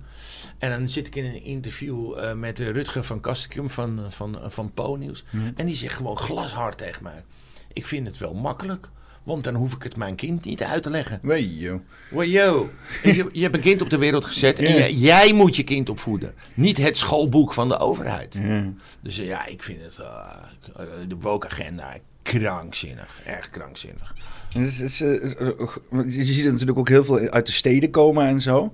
Is het op een gegeven moment een beetje een soort van uh, loskoppeling van, uh, van verantwoordelijkheden en zo? Omdat alles maar uh, voorzien wordt of zo? Of, dat, dat, lijkt mij, want het, is zeg maar zo'n zo'n gedeelde. Uh, hetzelfde soort mensen die zeg maar allemaal een beetje heel materialistisch in het leven staan en zo van. Uh, uh, ik laat me gewoon leiden door de reclames en de, en de, en de, en de, de, de, de, de, de, de, de, de dingen die de overheid voorschotelt. En, en de, de, bordjes en het geld natuurlijk. Dat dat, dat allemaal een beetje die. Ja, de grote steden zijn uh, wat mij betreft gewoon de slechtste voorbeelden die er zijn. Ik kom, ik kom zelf dan uit Amsterdam, maar we hebben er ook een uit Rotterdam. We hebben er ook twee uh, Den Haag en, enzovoort enzovoort. Maar ehm, ze willen dan die, die 15 minuten uh, van, de, van de steden, de 15 minuten cities willen ze ervan maken. En de jeugd gaat gewoon lekker mee in, in, uh, in het hele verhaal. En ze vinden het allemaal wel prima zo. Hmm. En, en als ze allemaal maar een goed salaris hebben en gewoon elke weekend uh, gewoon vol gas kunnen zuipen en de feestjes kunnen bouwen die ze met elkaar hebben. Maar ze denken niet, ze denken niet verder na. En, en de meest ernstige conclusie die ik voor Amsterdam zou kunnen trekken ik sprak in het begin uit van wij zijn voor de gekozen burgemeester. Maar als de inwoners van Amsterdam nu zouden mogen kiezen voor een nieuwe burgemeester, dan is de kans vrij groot dat ze nog voor maar stemmen ook. Want al die juppen die geïmporteerd zijn in Amsterdam, want de Amsterdammers hebben ze afgevoerd naar Purmerend, Almere en Lelystad. Maar uh, uh, al die juppen, die vinden die Halsema wel prima en zo. En, en, en, en, en, oh, het is zo groen en het is alles op de fiets en alles op de e-bike en uh, weet ik veel. Maar ze vergeten dat over twee jaar mag je niet meer met een, een dieselauto en ook niet met een benzineauto naar Amsterdam. Maar dat moet alleen maar met een elektrische auto. Nou, ik weet het niet. Ik ben voor afschaffing van de elektrische auto's. Ja, ja want, want, want uh, buiten het feit dat het het nooit oplevert. Maar het is gewoon nog gevaarlijk ook. Niet, in Engel Engeland heb je dat nou, hè? Met die uh, of zo. Uh, ik ga het even opzoeken. Want, ja, dat is, dat is in Londen is dat. Daar, daar is, dat is in principe al gaande daar. Maar inderdaad, als jij een bepaalde auto hebt, gewoon een boete 12,50 euro per keer betaalt of zo. Om op bepaalde plekken te rijden. Oh ja, maar Amsterdam heeft dat ook, hè? Alles heeft natuurlijk een energie of een, een, wat voor label hebben ze daar nou op, uh, op, geprikt? Maar de camera's hangen bij binnenkomst van Amsterdam. En als jouw auto niet voldoet aan de eisen die die, die, die overheid stelt, terwijl ze die jaren geleden goedgekeurd hebben, dan krijg je een boete. Ja, ja hier, in, hier in Arnhem ook inderdaad. Stukjes. Uh, ja, maar dat kan toch niet? Ja. Dat kan toch niet? En dan krijgen we nu een elektrische auto daarvoor terug. Die, eh, ik weet niet hoeveel jaar moet doen. Zou het misschien iets op kunnen gaan brengen met levensgevaarlijke accu's daarin. Dingen Eh, vliegen constant in de fik. Ja, ze vliegen. Ik heb vanmorgen zelfs een filmpje van een fiets die in de fik Ja, vliegt. ja, vliegen. Moet je je voorstellen, ik zat eens na te denken, moet je voorstellen dat je aan je opa moet uit gaan leggen in, de, in het verleden. Ja, ik kom uit de toekomst waar fietsen in de flik vliegen. Ja. Dat eh, ja, maar dit is gewoon bizar. En, en, en dus, dus en, en, heel lullig gezegd, ik was blij met die boot die in de fik vloog met al die elektrische auto's. Oh, er waren er maar 35. Nee, uiteindelijk kwam men er toch achter van het waren er wel 500 of, misschien nog wel meer. En, maar die boot is niet te blussen door al, al die auto's. Ja, want het, de, de, die accu's die kunnen niet tegen zout, hè? Dus, Ja. dus dat zout van dat zeewater, dat, dat, dus er zijn echt al tientallen boten met elektrische auto's in de fik gevlogen de afgelopen tien jaar. Ja, nou ja, en, maar wat, wat denk je van die eh, branden op die daken van die huizen? Ja, van de zonnepanelen. zonnepanelen. en dan kan het niet geblust worden omdat er zonnepanelen op liggen en die fungeren als een paraplu. Ja, nee, dat is dat is ook weer zoiets. Dus nu wil de brandweer dat er normen aankomen en de afstand van de panelen op de daken. Nee, je moet gewoon die dingen niet op het dak leggen. Ja. Nou moet ik wel zeggen dat ik daar nog een redelijke vrije keuze in heb. Als, als iemand een paneel op zijn dak wil hebben en je huis ligt in de fik, hey, ook daarin vrije keus. Maar waar ik vind dat ze met zonnepanelen geen vrije keuze hebben, ik kom hier net Arnhem binnenrijden. En vlak voor de brug zie ik een, een ongelooflijk veel grasveld met niet normaal veel zonnepanelen. En we hebben tekort aan huizen, we hebben tekort aan ruimte. Maar als ze die zonnepanelen eruit halen en daar allemaal huizen op dat stuk, hoe mooi woon je dan? Nou, dan heeft iedereen binnenkort kanker, denk ik. Want, Dat, dat, is- dat is naast de Axel Nobel, denk ik. ja, ja dan, dan moeten we de ik- Nobel maar eruit halen. Ik, ik zei dat tegen jou, toch? Ik wees het aan. Ik zei, dat is, eh, dat is eh, eh, klimaatneutrale milieuvervuiling wat daar plaatsvindt. Ja, Ja, nou ja, goed. Maar eh, eh, om dan maar even bij een veld met zonnepanelen. ehm, ehm, we willen de natuur de kans geven en oh, het is allemaal zo belangrijk. Maar we gaan gewoon hele velden met zonne, zonnepanelen neerzetten. Of eh, we zetten de windmolens in. ja. Weet je, eh, ik, ik, ik was gisteren een dagje op Zandvoort en dan, vroeger keek ik naar de zee. Tegenwoordig kijk ik naar windmolens in zee. Ah, joh, het kan gewoon niet. En, en, en, en, Ik zie hier ook de- alleen maar windmolens. Nee, maar de, de, de dieren in de Noordzee hebben daar last van. Ja. Ja, vissen. eh, zeker als we verder eh, in andere landen kijken met dolfijnen en zo. Walvissen ook volgens mij. Die Ja, walvissen hebben heel veel last van. Heel veel last van. En het is gewoon in en in triest. En, en waarom? Want we kunnen echt zonder windmolens en we kunnen zonder die eh, eh, paneel- eh, panelen. Sterker nog, het hele idee is krankzinnig. Want je hebt niet altijd wind, niet altijd zon. Er zijn waarschijnlijk momenten waarop je geen een van beide hebt. Ook al gebeurt het maar één uur in een dag in het jaar. Dan heb je voor dat uur net zoveel eh, compensatiestroom nodig als dat jij zonnepanelen en windmolen hebt. Dus stel je hebt het hele land heb je aan de zonnepanelen en windmolen. Voor die ene dag in het jaar dat jij geen stroom hebt, moet je alsnog net zoveel kolencentrales of oliecentrales of wat voor een conventionele energie bouwen om die dag te kunnen dekken. Dus, dus dat hele idee dat dan zeg maar alles volle- volledig vervangen kan worden door windenergie en zonne-energie, dat is onmogelijk. Dat Ja. slaat helemaal nergens op. Dat is, dat Maar, is- want, want, want zelfs als wij de helft van het land hebben, dan moet je alsnog voor die helft van die dagen dat er geen wind en geen zon is, moet je alsnog kolencentrales overal hebben. eh, Ready to go on the, on the spot, zeg maar. Wind kan zomaar wegvallen. Ja, maar goed, eh, Jette en Co eh, wil wel alles eh, klimaatvriendelijk. Maar wij doen wel gewoon alles elektrisch. eh, Ja. met Hij, hij, hij, is, hij, omgedraaid. Hij wil geen klimaatdrammer meer zijn, zei hij. Oh, echt waar? Nee, Ja. hij heeft al 28 miljard toegezegd gekregen voor 0,0036 Ja, nu is het niet meer- graden en nou wil je het niet meer. Het, het geld is binnen, nu hoeft het niet meer. Ja. Jongens, Ja. het is krankzinnig. Het is totaal, totaal uit, eh, uit zijn voegen gegroeid en, en ontploft op een heel, heel, heel slecht niveau. In, Duitsland zijn ze helemaal leuk aan het doen. Dat is echt, eh, dat is echt eh, ja, ik vind het echt de grootste grap ever. Zijn ze zeg maar ehm, ehm, al heel lang een dorp aan het wegvagen voor bruinkool met, met de Gatzweiler. Ze zijn hier in Noord-Rijn-Westfalen. En eh, ze zijn dus nu zo ver aan het graven dat ze nu hele velden met eh, windmolens aan het weggraven zijn om bruinkool te kunnen mijnen. Ja, ja het is, Da- het is, daar, daar zijn we tot gekomen nu. het is krankzinnig. Het is krankzinnig. Dat, dat is waar de groene agenda heen gaat. Rechtstreeks weer naar bruinkool gewoon. Waar we begonnen bij bruinkool, waar we niet heen wouden. En toen zijn gewoon een rondje gelopen en we zijn nu weer bij bruinkool aangekomen. Ja, nou, als wij dan gewoon weer lekker bij de benzineauto's aankomen. Het stom is, als al dat geld, die honderden miljarden, oh, triljarden denk ik, triljoenen denk ik wel echt, dat al dat geld hadden gestoken in, weet ik veel, kernenergie. Dat hadden we de meest geavanceerde, dikke kerncentrale gehad zonder te veel uitstoot, met recycling en alles erin. En dan hadden we heel Europa kunnen aanzien. Heel, maar heel, dat Frankrijk, staat, heel Frankrijk staat vol met kerncentrales.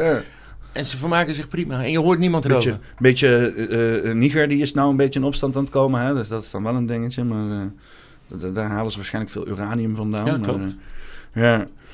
Ja, je kan altijd nog zeg maar die uh, kernbommen die ze overal hebben liggen of ontmantelen voor in de kerncentrale. En, en, die gebruiken. Ja, ja, er zit ook verrijkt uranium in, kan je gewoon gebruiken. Ja, ja. um, um, nou, tot nu toe heel centraal. Helemaal niet heel erg rechts, maar ook niet heel erg links. Hè? Gewoon, gewoon, gewoon, redelijk. Ehm, maar bijvoorbeeld, hoe sta je tegenover drugsgebruik? Ik zit hier een, een, een, jointje te draaien, omdat jij heel inclusief bent. En dat, dat, waardeer ik heel erg aan je. Nou ja, daar gaan we weer. Um, maar hoe sta je er tegenover? vind, vind je dit kunnen hier, wat ik nou doe eigenlijk? Ja, ik vind dat dat moet kunnen. Ik had het alleen niet in beeld gedaan, maar ik vind dat het moet kunnen, omdat het, het is softdrugs. Ehm uh, maar ik ben nog steeds wel van uh, niet in mijn feest, net zoals ik dat ook zoiets heb met uh, transitie waar we het net over gehad hebben. Ik heb dus hier geen moeite mee, want ik ben Amsterdammer, dus ik ben hiermee opgegroeid. maar softdrugs moet wat mij betreft gewoon kunnen. Iedereen kan dat zelf bepalen of hij dat wil of niet. harddrugs, ander verhaal. Dat vind ik niet. En, en, en en dat is hetzelfde als een uh, sigaret. Uh, maar waarom wordt er een issue gemaakt van een blauwtje? Nou, terwijl een sigaret misschien nog wel slechter is. Ja, en, en hoe sta je tegenover het gedoogbeleid dan? Is dat, uh, is dat ideaal, zeg maar nou? Ja, ik denk wel dat het beter is. Ik denk dat je het gewoon moet gedogen. En misschien zelfs nog wel vrijgeven. Ja, want legaliseren is misschien... Uh, ik, ik, heb altijd het idee van als je iets legaliseert... dan kan je het fatsoenlijk reguleren... en dan belasting overheffen en al dat soort dingen. Nou ja, ik snap dat het niet in het belang is van de ondernemers. Maar uh, volgens mij kan je dan de, de, de, hele... want de markt is nu ook... Ja, het is ook gewoon raar, weet je wel. Uitstervingsbeleid, er is geen concurrentie. Iedereen kan maar doen wat ze willen, bij wijze van spreken. De helft gebeurt in de, in de zwarte markt. kan ook nog van alles gebeuren. Ja, maar dus op het moment dat je legaliseert, dan, dan breng je een lichte slag toe naar de, naar de zwarte markt. Uh, het gaat, als ik zou legaliseren, zou ik het niet zeggen van, oh ja, want dan kunnen we de belasting overheffen. Nee, maar ik denk dat je eh, het, het, het, ja, het makkelijker maakt. Uh, en men moet net als een vaccinatie ook daarin een vrije keuze kunnen maken. dat geldt hetzelfde voor een sigaret. en wat ik net al aangaf, ik denk dat een sigaret nog slechter is dan een blootje. Ondanks dat er een heel klein beetje van hetzelfde in zit. Maar met nadruk op een heel klein beetje. En um, uh, maar ja, je, waar trek je de grens? En die grens is natuurlijk ook bij een gay pride. Van waarom mag iedereen wel op een boot, maar niet als uh, leernicht uh, verkleed als hondje? Ja. En waarom mag softdrugs wel en harddrugs niet? Dus er moeten wel grenzen getrokken worden. Maar hoe lang zijn we nu al bezig in Nederland over wil of niet legaliseren, wel of niet toestaan. Uh, weet je, uh, trek een streep, dit is het beleid, punt. En go with flow. Next. Nou, je ziet nu wel natuurlijk heel veel problematiek opkomen met ook inderdaad harddrugs in de illegale sector geduwd te worden. Um, want voor, hoe je het ook waant of verkeerd, er is gewoon enorm veel vraag naar, naar harddrugs, de hele tijd, constant. En dan, zoals ik het zie, als je dan zeg maar die, die, die, die, die aanbod weghaalt, dan gaat dat ergens vandaan komen. Maar vraag is, daar komt op een gegeven moment aanbod. Uh, alleen uh, met, met alle consequenties van dien. Plus, als je echt stoort aan bijvoorbeeld bepaald gedrag in de maatschappij. Want inderdaad, substantiegebruik. Je bijvoorbeeld vroeger in de middeleeuwen heb je gehad, hadden we een etherprobleem in Europa. Kijk, ken dat ether? Dus waar, ze in die films mensen mee knock-out doen zo. Het is niet echt super... Um, is behoorlijk schadelijk spul, zeg maar. Maar daar kan je ook lekker fucked up van raken, schijnbaar. Deden ze in de middeleeuwen. Hè? Dus hele dorpen zaten we kunnen vast het nu vergelijken met lachgas. Ja, nou ja, misschien, ja, misschien wel. Maar ja, er is op een gegeven moment ook stappen genomen. Zeg, weet je wel, iedereen die zei van, joh, elk dorp waar komt iedereen helemaal lam van de eten. Dus er moeten regels komen. Maar er moeten keuzes, je zegt goed, regels op maar keuzes, maar hak, hak de knoop door. En dit ligt, jouw, jouw blootje ligt al veel te lang onder de loep. Terwijl als ze aan een uh, lachgast, want dat is het mooiste voorbeeld van dit moment. Oh, dat willen we niet. Bam, verbod erop. Nou, om te beginnen is het verbruik enorm verminderd. En, en, wat het dan nog doet, ja, dat is dan illegaal. Nou ja, goed. En dat geldt voor dit precies hetzelfde. Wat mij betreft mogen ze gewoon de blauwtjes, net als de sigaretten, gewoon legaliseren. Ja? En, en wel zwaar belasten, want, uh, uh, en dat geldt voor de supermarkten precies op zo, uh, hetzelfde. ik ben wel voorstander van de gezonde producten moeten minder belast worden dan de, de, minder gezonde producten. Dus ik snap dat men 10 euro vraagt voor een pakje sigaretten. Mm -hmm. en ik vind dat een appel minder belast moet zijn dan een zak trekdrop, bij wijze van spreken. Uh, dat is wel een heel uh, aparte vergelijking. uh, je begrijpt wat ik bedoel. En het geldt voor dit precies hetzelfde. En, en maar harddrugs ver, verboden houden en, en, en misschien nog wel dieper onderzoek daarna doen van hoe kunnen we nog meer verbannen. Ik vind ook dat men veel en veel harder op moet treden tegen ecstasy bijvoorbeeld. Nou, daar maak ik geen vrienden mee om dat te zeggen, want ik heb een hoop festivalgangers in mijn omgeving. Dat is het verschil tussen jou en Wieberen dan hier. Ja. Wieberen die vond wel dat ecstasy eventueel moest, moest kunnen en ook gelegaliseerd moest worden. Ja, maar ik moet wel eerlijk zeggen, uh, ik, ik, ik ben echt, uh, ik vind Wieberen een geweldig mens, maar ik gooi er wel eens echt tekst uit dat ik denk van, uh, wil je alles en iedereen naar je toe halen met, met, met teksten? En, en, en, of met beloftes. En wat dat betreft is een hele goede politicus. We, we beloven van alles, enzovoort, enzovoort. Maar ik ken Wieberen een beetje. Uh, die gaat niet echt fan worden als zijn kinderen dagelijks aan de ecstasy gaan. Nee. En dan wordt het ineens wel verboden. Ja. En, en uh, nogmaals, ik vind het geweldig mens, dus ik zit hier niet om Wieberen af te kraken. Maar... Uh, uh, ja, er mag voor mij wel iets uh, beter opgelet worden. Maar oké, nou stel je kan dus inderdaad gewoon echt um, een beetje een crackdown doen op, op bepaalde harddrugs en alle problematiek daarin. Um, um, hoe zorg je dat het niet, zeg maar, net zoals in Amerika, die drugs on, war on drugs wordt, uh, die uitgesproken is door Richard Nixon in de jaren 70. En uh, dat er vervolgens 50 jaar later uh, alleen nog maar uh, meer drugsproblemen zijn, zoals een opiatencrisis, een fentanylcrisis, partijen, wat hebben ze nou, lean. Um, God, ik, ik, hoor met termen daaruit dat land komen met, met, met, met drugs die echt gewoon badzouten, PCP, mensen die elkaar opvreten omdat ze drugs doen. Als je dan kijkt naar de jaren 70, volgens mij was dat prima zo daar. Alleen nu is dus door de war on drugs is er een gigantische um, hogere vragen komen in, het zwarte, uh, uh, in de zwarte markt. Waardoor dus nu uiteindelijk zijn die, dat heeft die hele drugskartels in Mexico gesponsord. Dan is het een, een miljardenindustrie die nauwelijks meer onder controle te krijgen is. Hoe ga je dat zeg maar tegen door ja, hoe, ga, hoe, hoe, ga je dat tegen? Hoe, hoe kom je dat? Nou Zitten we daar al niet in, zeg maar? Ja, je, je zit er heel diep in. En, en uh, dat geldt niet alleen voor de drugsindustrie, maar kijk even naar de wapenindustrie. Ja, ja. Mensenhandel, en, ook zo'n dingetje. Uh, ook zo'n dingetje. Uh, al is dat, zit, dat zit natuurlijk wel wat meer verscholen. Dat is iets anoniemer. Dat is meer een beetje onder de radar. Laten we het, uh, dark web-achtige verhaal. Maar voor ons uh, aan de buitenkant is het natuurlijk duidelijker zichtbaar drugs en wapens. En ehm, aan de ene kant zou je de, de lichtere versies iets sneller moeten reguleren. Om vervolgens de, de zwaardere versies te blokkeren. Maar dan ook meteen zwaarder, nog zwaarder straffen, nog harder op ingrijpen.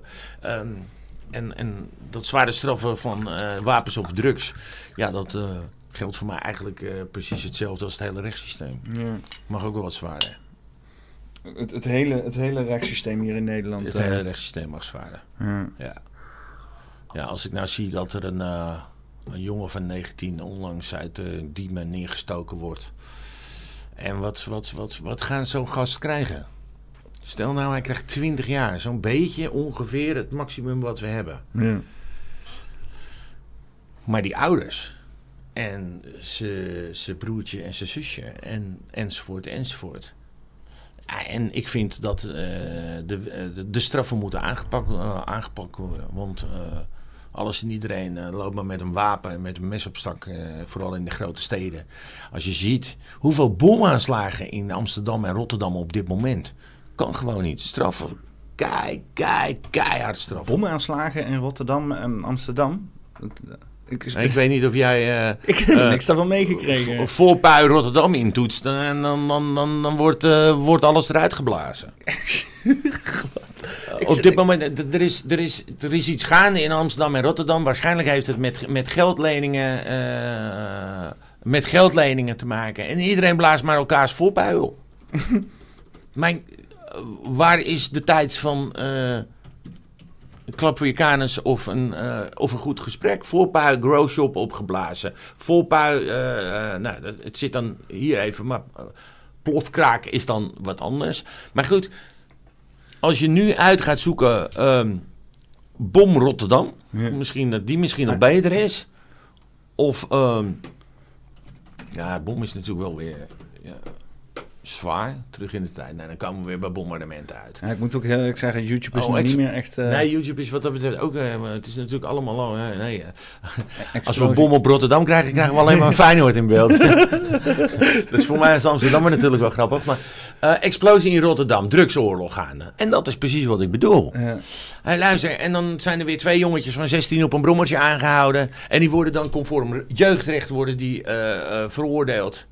Het kan gewoon niet. Ja. Weet je, als jij een bom op mijn, eh, op mijn voorraam geplakt hebt, dan, eh, dan hoort daar echt een stevig strafje op te staan. En, en, en, en, en dan heb ik het nog niet over eh, moord, waar ik net bijvoorbeeld over praat. Over een 19-jarige jongen die op een festival gewoon neergestoken wordt om een zonnebril.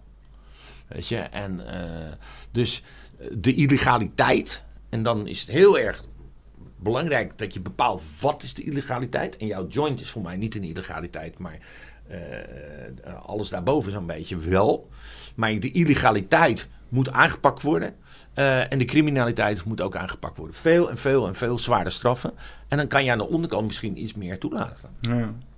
En, ja, want je hebt natuurlijk nu in de politiek en in Nederland zoiets als het ministerie van Justitie.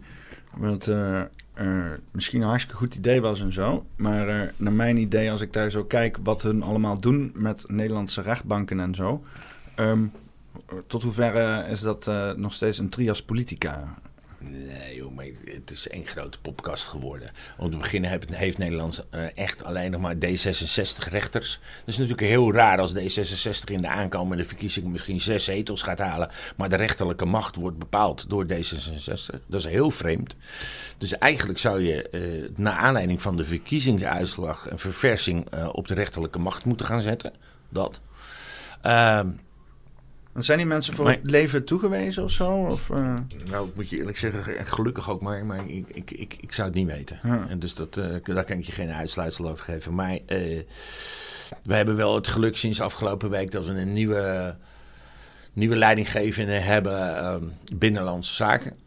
Eh, gelukkig tijdelijk, maar Hugo de Jonge is de eh, nieuwe tijdelijke minister Binnenlandse Zaken. betekent ook Oh ja. dat hij eh leiding geeft AIVD is. En dat is natuurlijk heel Oh, ja. mooi als je weet, rechterlijke macht, alles valt daaronder. Dus, heeft Hugo weet, de Jonge nu de macht over de AIVD? ja, zeker weten. Oh, en, shit. Maar goed, Hugo heeft al gezegd, hij weet jouw postcode, hij weet waar je woont. En het is Ja, natuurlijk erg, erg zorgwekkend als zo iemand leidinggevende in Nederland wordt. En dan kunnen we zeggen, het is maar een tijdelijke oplossing en we kunnen het met een lach brengen. Maar het is natuurlijk wel schandalig. En dan maar weer terug naar jou over de rechterlijke macht. Het is ook schandalig als het D66 zes zetels gaat halen in de aankomende verkiezingen dat de rechterlijke macht voor, nou, ik denk 80% uit D66-rechters bestaat. En daar moet ook echt een verschoning. Dus het is echt een hele, hele, hele grote job te doen eh, in de komende jaren. Ja. Eh, je bent eh, dus eh, een ra- ras eh, Amsterdammer, Ja. hoor ik zo. Dat Ja. zei je net zelf. Ehm, wat vind je van Amsterdam nu? Wat zeg je zo? Wat vind je van Amsterdam Wat nu? vind ik van Amsterdam? Het is mijn stad niet meer. Hm. Het is mijn stad niet meer. Het is echt verschrikkelijk. En, en ehm, ik heb eh, een aantal mensen gelukkig uit mijn partij, ook uit Rotterdam. Ik, ik heb helemaal niet dat die voetbalclash met Amsterdam, Eindhoven, Den Haag en dat soort dingen. Ik heb ongelooflijk veel vrienden in Den Haag eh, zitten. Ehm, dus ik, ik zit niet verknocht aan, aan Amsterdam. Maar Amsterdam is Amsterdam niet meer. Ehm, ik schaam me kapot als ik door de Leidse straat loop. Als je daar ziet, het is, er zit geen knappe winkel meer in. Het is één en uh, toeristenwinkel uh, geworden. Um, als ik nou weer zeg dat er geen één winkel meer van een Nederlandse eigenaar is, dan ben ik meteen weer extreem rechts. Maar het is niet normaal hoe een, nieuwe industrie de grote staten van Amsterdam overgenomen heeft. Dus ik vind dat daar echt een forse aderlating de laatste jaren plaatsgevonden heeft. mijn grootste irritatie in Amsterdam is het parkeerbeleid. Dat het inmiddels zover is dat 24 uur per dag betaal je in centrum 7,50 euro per uur. Hmm. Uh, buiten het feit dat het een godsvermogen is wat het parkeren kost. Maar je kan niet meer parkeren. Je kan bijna Amsterdam niet meer binnenkomen. Nou, ze hebben laatst hebben ze die eh, blokkades in, in de stad erin gegooid om te testen hoe het is als je Amsterdam niet meer in kan komen met de auto. Of als we de auto's buiten Amsterdam. Uh, nou, dat heeft natuurlijk heel veel uh, verwarring veroorzaakt. Maar als ik naar Café Del Mondo wil gaan op de Nieuwmarkt om daar een, een, gezellige middag te hebben. En ik zou mijn auto daar willen parkeren voor 7,50 euro. Dan staan daar op die parkeerplaatsen plantenbakken. Nee. dat kan toch niet, jongen. En, en, en, en dus Amsterdam is Amsterdam niet meer. En, en, ehm, en dan hebben we natuurlijk, als we over Amsterdam praten, hebben we het over Schiphol.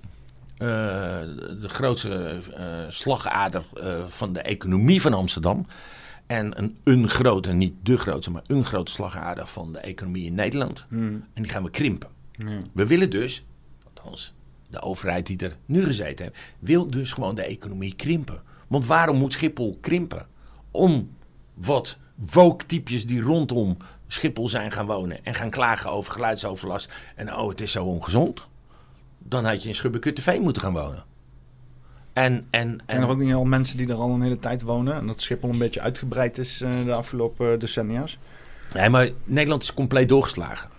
Uh, er heeft laatst een stuk in de krant gestaan Amsterdam. Er komt een of andere jup en die koopt een penthouse. En binnen een week heeft hij een klacht ingediend, want hij heeft last van het geluid van de tram. Oké, dat is irritant, ja. En dat is hetzelfde als je een huis nu krijgt onder de rook van Schiphol, dan weet je dat je onder de rook van Schiphol, want Schiphol staat er al honderden jaren. Het is wel heel Nederlands hoor. We hadden dit een huis in het dorp, er gingen mensen in het centrum van het dorp wonen en dan klagen dat er uh, af en toe feesten worden gegeven in het dorpscentrum. Ja, maar het wordt meer en meer en meer toegelaten en er moet een halt toegeroepen worden. Het kan niet zo zijn als jij op de, in mijn geval dan, ik heb het meegemaakt, op de Albert Kuip in Amsterdam, de Albert Kuipmarkt de bekendste markt van Nederland. Uh, uh, als jij daar gaat wonen, dat je gaat klagen dat je last hebt van de herrie van de markt. Yeah. Want dan had je ergens anders moeten gaan wonen. En, en dat probleem heerst. Ik, ik, ik, betrek het natuurlijk makkelijker op Amsterdam, omdat ik alle situaties daar ken. Maar dat heerst ook in, in Rotterdam, Den Haag, Utrecht, Maastricht, Groningen, whatever waar. En. Uh, uh, het is compleet doorgeslagen op alle vlakken. Waarden en normen zijn weg. Uh, de, de, de, de, de klachtregens. Uh, uh, het moet echt allemaal echt weer heel, heel, heel erg terug naar hoe het vroeger was. Ja, want, want, want wat is dan meer vroeger voor jou? Gewoon weer lokaal, kleiner? Hoe moet ik dat precies zien? mensen die gewoon elkaar... Want, want het is nu ook wel een beetje de gewoonte. Ik weet niet hoe dat vroeger was, maar ik ken niet anders. als er dan klachten zijn, politie bellen. Ja, maar de politie doet niks meer voor je. Ik heb zeven aangiftes gedaan vorig jaar. Allemaal geseponeerd. En geloof me, als ik briefjes heb met doodsbedreigingen... lees Geert Wilders idem dito... dan uh, mijn zeven doodsbedreigingen... die zijn in ieder geval gewoon in de prullenbak. Maar ik weet wie het zijn, hè. Als je nou zegt van, het is anoniem verstuurd... en dat nummer kunnen we niet traceren, tralala, tralala. Ik heb namen erbij. En er wordt gewoon niks meer gedaan. En dus, ze zijn te druk bezig om bij mensen zoals mij langs te komen voor geluidsoverlast wat er niet is. Ja, dat dus. Snap je? En, en, en uh, alles, alles is uh, in zijn waarde verkracht in de, in, in, in de laatste jaren. En we moeten gewoon weer terug naar hoe het was. En niet dat ik zeg dat uh, de jaren tachtig nou zo ideaal waren, zeker niet. Maar er moet wel heel veel veranderen. En toen Trump ooit met de slogan kwam eh, Let's Make America Great Again. Toen heb ik hem omgetoverd naar Let's Make Holland Great Again. Ja. Niet omdat ik fan van Trump ben, want niet alles is ideaal wat hij doet. Ook niet wat ik doe, ook niet wat jij doet. Niemand is ideaal. Maar ik vond het een mooie slogan. Eh, Nederlandse economie moet weer de Nederlandse economie gaan laten eh, floreren. En, want waarom moeten wij goedkope vaccinelichtjes van de Action hebben, terwijl ooit Bolsius van Nederland was? Want dan hadden wij toch die Bolsius kaars moeten kunnen gebruiken. Dus die Nederlandse economie moet gesubsidieerd worden om te kunnen concurreren met de Chinese markt. En dat geldt voor een stuk kaas idem dito. Want waarom kost het stukje kaas eh, in Nederland zoveel geld? Omdat het bizar belast is. Ja. Onze kaas, onze gas is goedkoper in het buitenland. Dan heb je scheefgroei.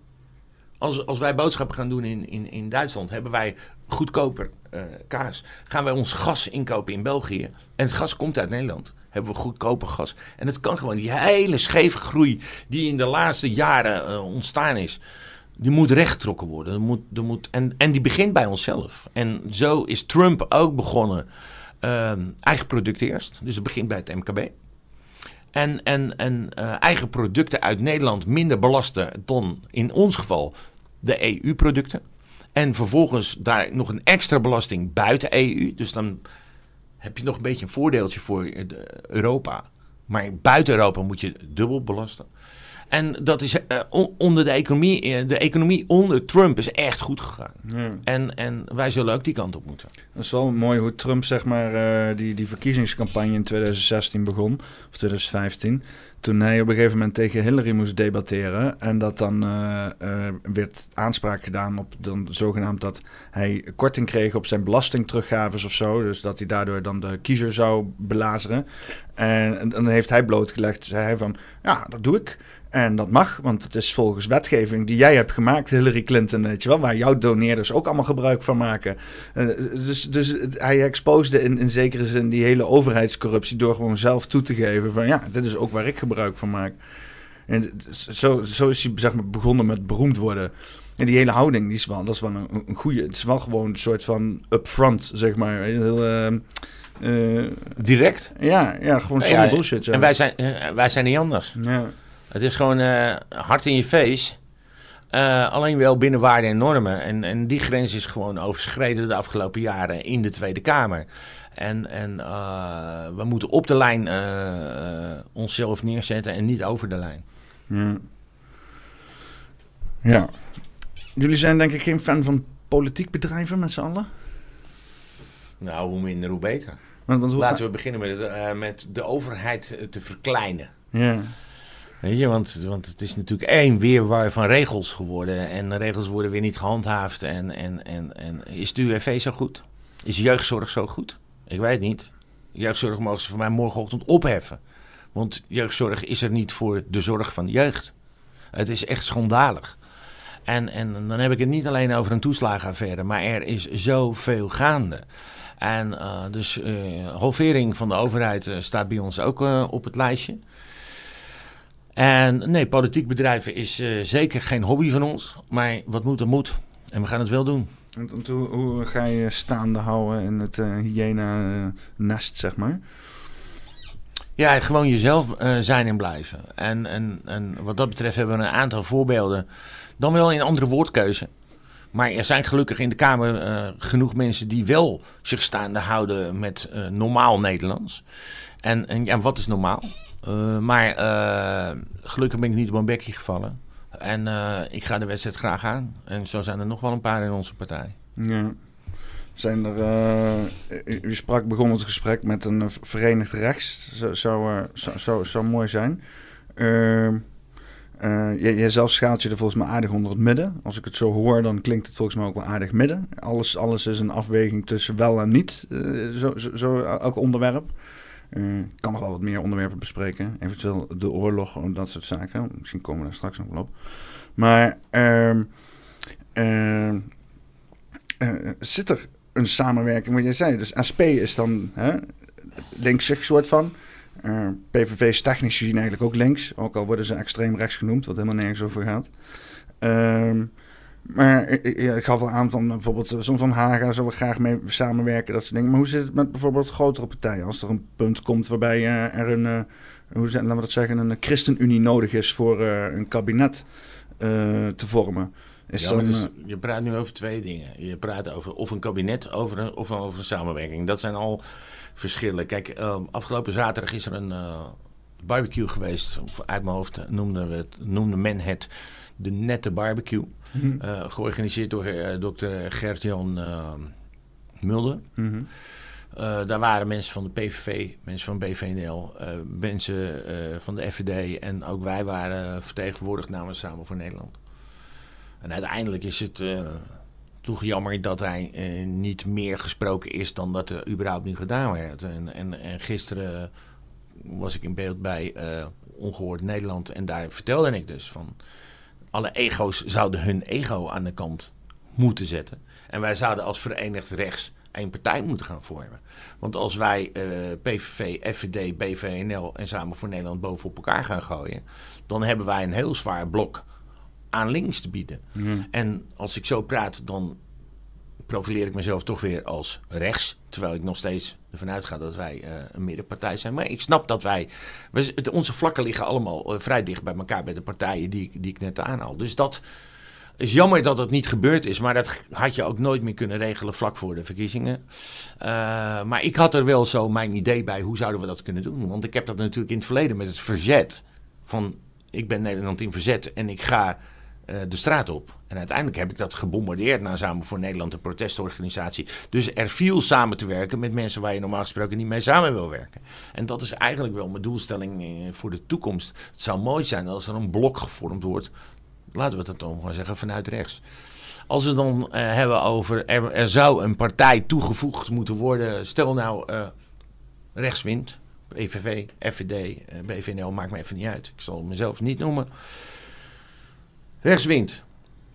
En er, er, is nog één partij nodig. Ja, dan moet je op dat moment kijken van, van uh, wat is de beste keus. Uh, inderdaad, uh, wat ik al eerder aangaf, de SP heeft echt nog wel wat punten waarvan ik denk, ja, ik kan er heel goed mee leven.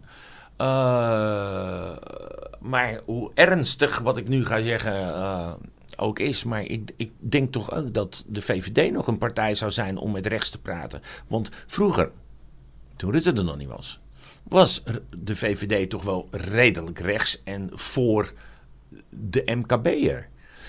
En uh, de MKB'er is totaal aan zijn lot overgelaten. Die moeten nu gewoon blij zijn dat, nou ja, de boeren hebben dan een beetje BBB. Uh, eh, klopt geen bal van, maar laten we dat maar even zo noemen. Uh, we hebben dan voor, voor de ondernemer BVNL. Wieberen staat absoluut voor de ondernemer. Nou, wij zijn een burgerpartij. Dat betekent dat wij ook voor de ondernemers te zijn. Want burgers is een breed begrip. Daar, daar valt natuurlijk eigenlijk iedereen onder. Maar... Um, de VVD is eigenlijk een partij die, die, die al jaren en dag bewijst maar één doel te hebben: meeregeren. Hm. Ja. Principes niet. Principes hebben we niet. Moeten we naar links, gaan we naar links, gaan we naar rechts, dan gaan we naar rechts als we maar mee mogen regeren. En dus uit dat oogpunt zou je eerder kunnen zeggen van nou moeten we, moeten we, zouden we daar, daar niet toch de VVD bij moeten halen. Want ja, Rutte is nu toch weg. Ik, vond dat, ik vind dat echt het grote kwaad. Rutte en Kaag waren het grote kwaad van Den Haag. En wat hebben we teruggekregen? Timmerman. En daar moeten we gewoon voor zorgen dat die niet bovenaan de lijst komt. Verenig allen rondom Timmermans. Ja, ja slecht, slecht. Ik dacht dat het niet slechter kon dan Kaag. Maar ik, ik vrees het ergste met Timmerman. Ik, ik, ik uh, we hadden een mooie creatie gemaakt uh, van, uh, van Timmermans. Ehm, we hebben in de Discord hebben we een een groepje mensen bij elkaar en dan uh, soms zijn we melig en dan uh, maken we wel eens dingen. En uh, Janne die is heel erg into het spreken van Duits. En die heeft een, een, een, mooie, die heeft zeg maar de speech van, van, van Timmermans vertaald naar het Duits. En ja, dat is wel zeg maar een soort van, ja weet je, dat ik denk van, oh ja, zo voelt Timmermans voor mij ook wel aan, zeg maar. Maar moet je hem heel even inderdaad... Eh, moet je heel even de koptelefoon even opzetten. en krijgt de kijker dit ook te horen? Ja. ik, ik, zal zelf vrijwaring geven. Alles wat laten zien wordt in de poppenkast... is ter verantwoording van de host zelf.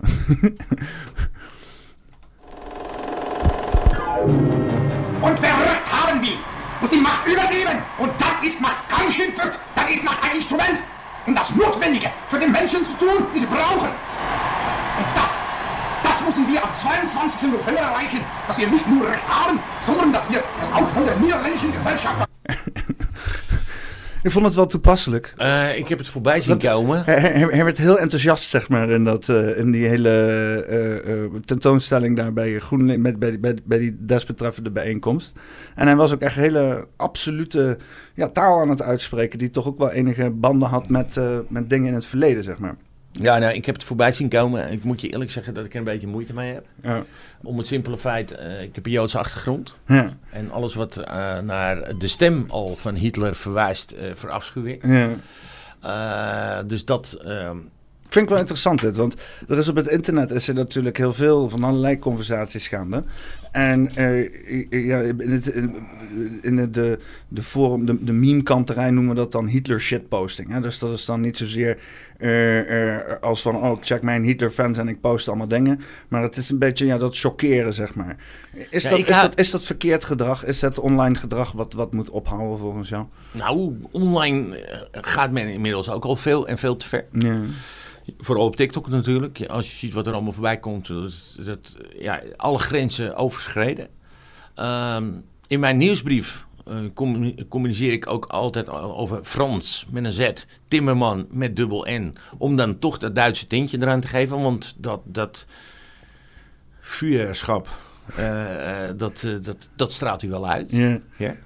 Maar, uh, dit ligt er dan te dik bovenop. Zeg ja, dit, ik vind het wel heftig. ik, en ik heb natuurlijk al twee jaar lang in, in, die, of in die heftige discussie gezeten rondom. Uh, om maar in de media te houden, de Jodenster. Nou, voor mij is het gewoon een Davidster, want ik spreek het met respect uit. En een Jodenster vind ik echt veel te plat en laagdrempelig. Mm. Uh, ik heb hele discussies daarover over gehad met het Sidi. Uh, die eigenlijk voor uh, het Jodendom op zou moeten komen. Maar gewoon, het is gewoon één niet normaal woke-organisatie geworden. Uh, die ook totaal de, realiteit uit ogen verloren zijn. En, uh, maar uh, ja, dit doet uh, mijn Joods hart een beetje pijn. Dus, en, sowieso, maar Israël doet mij op dit moment ook pijn, want het is het meest gevaccineerde land ter wereld. Ik geloof dat iedereen daar al 27 boosters gehad heeft en zo. Dus hoe graag ik er naartoe zou willen. Maar het is voor mij gewoon echt een no-go op dit moment, want ik heb wel principes. Ja. Ja, want het is dus, on, online uh, duik ik constant in allerlei identiteitsdiscussies en zo. En, maar, maar ook als er heel veel gewezen wordt naar allerlei geheime, schimmige organisaties, dan komen uh, Joden ook altijd weer in de picture. En zelf vind ik het altijd jammer dat het dan da tot daar moet gaan. Ik heb zelf altijd zoiets van, hey, we hebben het over mensen en al die, ook al ben ik, heb ik niks met Abrahamse religie, religies. Ik zal nooit de persoon zelf veroordelen voor whatever er overal geschreven staat of gedaan wordt. Uh, maar dat is wel vaak wat er wordt gedaan. Plus, het, het is. Het is um, uh, dat, dat, ja, die Joden die komen de hele tijd naar boven gedreven. Ik, ik ben, ik ben niet Joods. Ik, ik snap. Ik maak er ook wel eens schijntjes mee. Hè. Ik ben ook wel eens zo van. Oh, ha, ha, whatever. Stom uh, vooroordelend plaatje of zo. Um, hoe, hoe ervaar jij dat? Is dat want ja, je, je hebt natuurlijk vrijheid van meningsuiting op internet. Dat is heel belangrijk gebeuren er ook dat soort dingen. En je ziet ook dat er vanuit uh, uh, organisaties, bijvoorbeeld, je noemde net CIDI, ook daar iets tegen gedaan wil worden. Die willen zeg maar antisemitisme, wat, wat ja, willen dat gewoon verbieden, willen dat aanpakken, willen censuur daar plegen, zodat dat, dat er iets mee gedaan wordt. Hoe sta jij daar tegenover? Je gaf net al aan, jij kijkt ook naar de andere kant. Uh, in, uh, een paar minuten geleden. En ik kijk altijd naar de andere kant. Als, als iemand mij vertelt dat hij gaat scheiden en ik krijg een heel verhaal over me, dan wil ik ook eerst het verhaal van de andere kant hebben. Want een verhaal heeft altijd twee kanten. En als ik bij een rechtbank zit, dan snap ik ook wat de tegenpartij te vertellen heeft. Want ik, een verhaal heeft altijd twee kanten. En als we het over het Jodendom hebben, uh, ik snap dat mensen over vooral het zakelijke en het geld verdienen en de grootste van de wereld zijn, de Rothschilds en dat soort dingen. Ja, als, maar stel nou, het Jodendom heeft de gave om um, zakelijk misschien wel de beste van de wereld te zijn. Hm. Dan is dat hun gave. Iemand anders heeft een andere gave. En er zijn dan, in dit geval van de, van de Rothschilds, uh, uh, families die daar misbruik van maken. Ja, dat is verschrikkelijk. Maar dat is in het christendom ook, want wat heeft de katholieke kerk allemaal niet uitge... Die hebben ook van hun macht uh, gebruik gemaakt. En die die eh, eh, hebben dat eh, geprojecteerd op, op, kinderen, bij wijze van spreken. Want dat was de macht die hun gebruiken. En kijk even naar de islam op dit moment. Weet je, eh, eh, ze doen maar en ze schreeuwen maar en, en de fatwa's vliegen, vliegen om je oren. Maar wie- wie denk jij dat je bent? Maar dat geldt hetzelfde voor het Jodendom of... ehm, en ik ken, ik ken moslims, ik ken Joden en ik ken katholieken. En, maar die mensen mogen niet de dupe zijn van het feit wat hun achtergrond is. Want je, mag ze niet over één kam scheren. En, en, en, en dat is precies wat geldt ook weer in het buitenlandenbeleid. Dat ze dan zo lekker vinden om te zeggen van... eh, oh, jij bent een racist. Nee, ik ben geen racist. Ik ben een realist. Nederland is vol.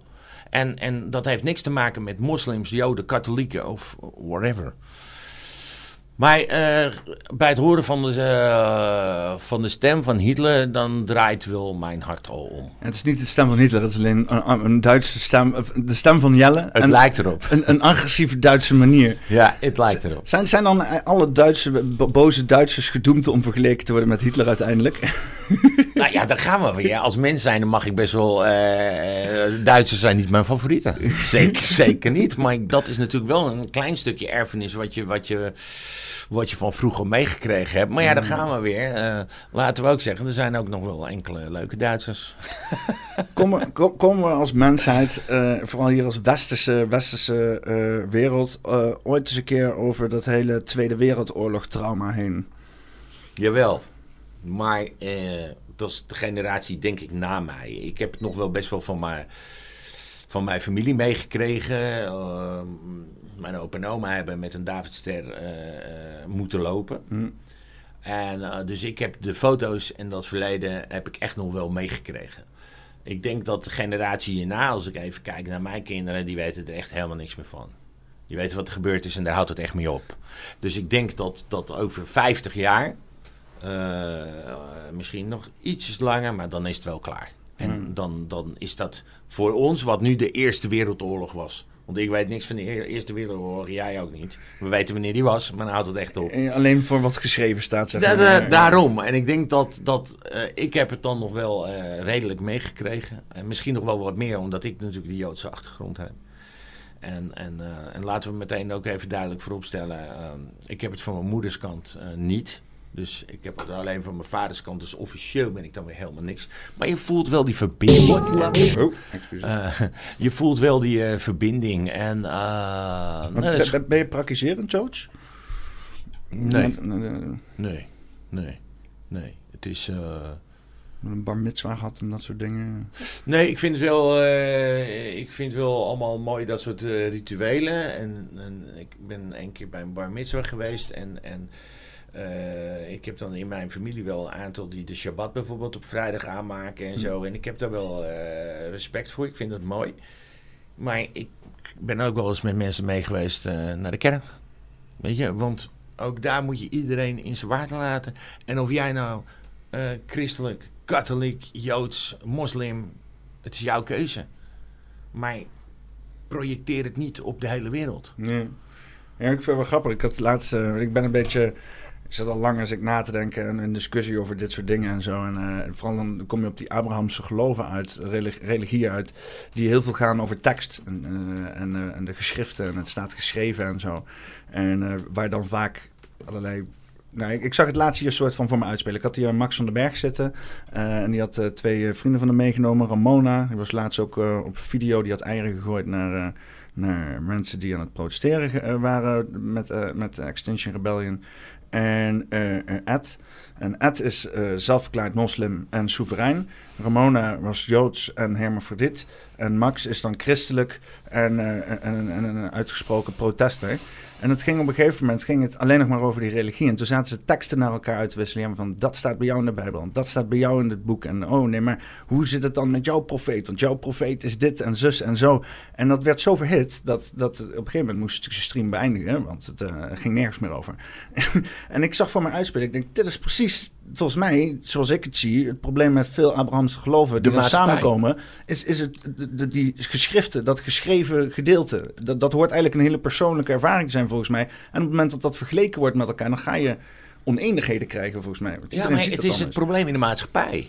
En, en, en iedereen, wat van mij is, is het beste. Hmm. Maar waarom moet ik dat uiten? Mijn leven, zoals ik het doe, is naar mijn idee wat ik denk wat ik op dat moment moet doen. En of ik nou eh, in het jodendom geloof, moslim wil zijn of of whatever, dat maakt niet uit. Maar laat elkaar in, in elkaars waarde.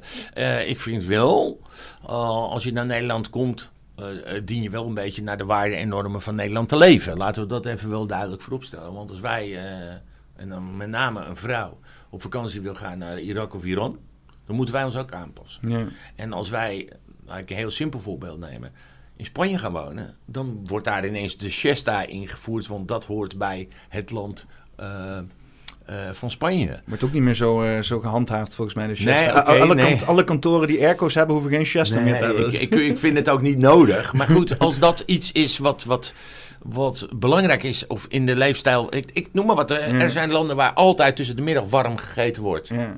En, en, en, en s'avonds niet. En eh dan is het een pietluttig voorbeeld. Maar ik vind wel dat je je aan moet passen eh, naar, eh, naar het land waar je... eh, wij moeten ons ook aanpassen als wij ergens anders gaan wonen. Maar hoofddeksels bijvoorbeeld. Ja, het zijn grenzen. Het zijn grenzen. En, en, en als je een petje wil dragen, prima. Maar een complete burka, dat kan voor mij gewoon niet hier. Kan gewoon echt niet. Gewoon nergens? Of, ik kan toch ook niet alleen in een zwembroek. Nee, anders. Een vrouw kan toch ook niet alleen in een bikini op het strand liggen, want dat mag niet daar. Dus er is een grens. Ja, ja, ja. ja. En, en ik vind dat de grens burka kan gewoon niet hier. Ja, en ik vind wel een ho- hoofddoekje. eh, eh, ik vind geen eh vrij gezicht. Ik zie liever een vrouw gewoon met haar. Maar eh, dat, dat vind ik gewoon toelaatbaar. Een pet mag, een, een hoofddoek mag. Dat is allemaal prima. Maar een burka, dat is wel eh, net even eh, stapjes, eh, stapjes te ver. Ja, het is natuurlijk zo'n issue. Dat is, dat is wel grappig, omdat we dan hier in Nederland heel erg roepen van... Ah, we zijn vrij, we hebben de ultieme vrijheid. Dit is het vrijste land ter wereld. En dan komen mensen hier en die proberen dan vrij te zijn op de manier zoals hun dat doen. En dan is dat toch niet helemaal de bedoeling. Dat is, Ja, maar wat is de grens van vrijheid? Ben ik vrij als ik mag schieten? Ben ik vrij als ik heroïne mag spuiten? Ben ik vrij om burka? Er zijn helaas wel grenzen die getrokken moeten worden. En ik vind dat je in Nederland heel veel mag. Je mag echt heel veel. Sterker nog, je mag veel te veel. maar, eh, maar dat is wel weer mooi aan een vrij land. Laten we dat duidelijk. Dus ik ben niet van heel veel regels. maar Maar was steeds minder hier in Nederland, voelt het er dan ook van. Als ik soms verhalen hoor van wat mensen vroeger allemaal niet deden en mee wegkwamen. Ja, jij bedoelt richting, en gaan we toch weer richting je jointje. Maar ja, nee, nee, in de nee. hippie-tijd mocht natuurlijk veel meer. En bijvoorbeeld rijden met bepaalde dingen. hè. Je hebt ook eindeloos veel eh, eh, eh, eh, eh, reglementen nodig om een, een voertuig aan te melden. Je, hebt, je, je, je mocht vroeger allerlei wetenschappelijke dingen doen. En nu is eindeloos veel regulatie voor substanties. En dan heb ik niet alleen voor drugs, maar ook gewoon over allerlei voedingsstoffen. Want, het- Maar dan komen we weer op de regelgeving. Ja. Dus eigenlijk op de overheid die verkleind moet worden. De regelgeving is totaal ontploft. Als je in Amsterdam moet je rijden op een scooter eh, met helm. Maar je ga je de grens over met Diemen. Dus één stap. Dan mag je daar rijden zonder helm. ja, En, en, maar een elektrische fiets, die hoeft geen helm, maar die gaat harder dan die scooter. ja. En eh, ook de totaal doorgeslagen regelgeving. Maar dat geldt dus ook eh, voor, voor, voor andere dingen als zijn de drugs of... eh, en er, moeten we, er moet wel paal en perk gesteld worden. Welke drugs wel, welke drugs niet. En waarom een blootje wel en waarom heroïne niet. En inderdaad ook waarom wel een hoofddoek en waarom niet een burka. Ja. Ja. En, en, en dat gaan we samen uitzoeken. Samen met Nederland. Ja, ik denk dat je dat met een brede maatschappij best wel eh, tot een oplossing eh, kunt komen. Ja. Klinkt, klinkt nog wel enigszins ook wel wat conservatief hoor. Inderdaad, eh, dat, eh, regels eh, moeten er zijn. Maar het is wel, het is wel dubbelzijdig. Je zegt, er moeten zeg maar gewoon minder duidelijke regels komen. Er moet minder, maar duidelijker Ja, regels ja, ja, komen. Kijk, kijk naar het internet. Is het, gaat het zo goed met ons op internet? Eh, iedereen sloopt elkaar, iedereen bedreigt elkaar op internet. Eh, eh, je, je- ziet zelfs filmpjes, oh, hier heeft iemand zelfmoord gepleegd. Plop, we zetten het op internet. Weet je, dat soort achter schietpartijen in Amerika, oh, we zetten het op internet. En ik zeg niet dat dat soort beelden van een schietpartij in Amerika verboden zou moeten worden, want het opent oog weer, ook weer ogen. Maar ehm, het leven is er niet beter geworden door het internet. Is, is het ook niet zo dat we het gewoon allemaal nu zien? Dingen die al gebeurden, alleen we zien het nu allemaal. Ja, maar doordat we het allemaal zien, gaan we het ook meer gebruiken. En, en, en, en kijk, kijk naar de spelletjes vroeger op een, op een, op een, op een PlayStation. Eh, het schieten heeft alleen maar in Amerika door PlayStation meer van dat soort shit opgeleverd. Ik denk niet dat het door het spelletje komt. Ik bedoel, die spelletjes worden in de hele wereld gespeeld. En Nee, er zijn niet per se in andere plekken meer schietincidenten. Nou, in Amerika wel, omdat in weer, in, in- ja, maar je mag in Amerika mag je hem gewoon in je laadje hebben liggen. En als jouw kind van zes jaar, en dat gebeurt helaas regelmatig, dat ding pakt en die hebben op, op, op, op, op een spelletje op internet gezien hoe het werkt, of op YouTube gezien hoe het werkt, gaat toch een stuk makkelijker dan bij ons. En bij ons je- Zwitserland heeft ook iedereen wapens gewoon thuis liggen. En daar gebeuren nauwelijks schietincidenten. En de waarden en normen in, in Zwitserland die zijn echt veel beter dan in Nederland. Ja, dat zeker. ja. En ook helemaal als in Amerika. Dus Ja. wat dat betreft kunnen we echt een voorbeeld nemen. Ja. En dan kunnen we meteen naar de oorlog toe. In- Want Zwitserland is een neutraal land. Ja, en waarom moeten wij ons bemoeien? We hebben ons ook niet bemoeid met al die onder Ja, we hebben een vredesmissie naar Unifil heette dat vroeger bijvoorbeeld. Een vredesmissie hier, vredesmissie daar, hier, vredesmissie daar. Nederland heeft dit jaar gewoon 3,5 miljard beschikbaar gesteld voor Oekraïne. Jezus. Om, om, om, om, om, om bommen eh, richting eh, Moskou te gooien. Terwijl, grof gezegd, Nederland niet tevreden heeft. Dat is wel stom, want het is ongeveer eh, drie- 3,5 miljard. Is 3,5 dag aan inkomsten voor de Nederlandse staat. Ja. Iets van 1 miljard eh, per dag wordt er binnengeharkt aan shit hier Ja. in Nederland. Ja, nou ja, goed. Het, het bedrag vind ik gewoon krankzinnig, weet je. Vandaag wordt er weer bekend dat Amerika, die doet nog eventjes eh, even een miljard, miljard extra bij. Alleen, ja, heel hard gezegd, ik heb niks met Amerika. Eh, we zijn niet voor niks samen voor Nederland. en We beginnen met de Nederlandse eh, maatschappij. En, en, en eh, ehm, het is krankzinnig dat we nog nooit van ons leven zoveel voedselbanken in Nederland gehad hebben. Gecreëerd door Rutte. En dat we 3,5 miljard aan de Oekraïne weggegeven. Ja. Nederland heeft geen huizen. Als, als iemand een kind heeft, die moet gemiddeld tot, tot 28 thuis wonen. Omdat er geen huizen zijn. Maar die Oekraïners, die mogen vluchten. Die, die, da- daar hebben we allemaal huizen voor. En nou is het nog veel erger. Het is nu zomervakantie geweest en de Oekraïners zijn op vakantie geweest naar Oekraïne. Ja. Is het dan zo'n oorlogsgebied? Of is het toch een gecreëerd, erger gecreëerd? Want ik zeg niet dat er niks gebeurt, maar is het... Is het Een eh, gecontroleerde vechtslag, zeg maar. eh. Dat is- Ja. ja, onze overheid moet in de Nederlanders gaan investeren. Ja, maar het is sowieso heel vreemd dat je een land sponsort die zogenaamd eh, de westerse belangen moet gaan verdedigen tegen de Russische kwaadaardigheid, wat dat dan ook uit- uitmaakt. En dan vervolgens, hè, dus daar geld in steekt. Dan zeg oké, ja, vecht, hou die Russen daar buiten, want oh, anders komen ze naar Nederland toe.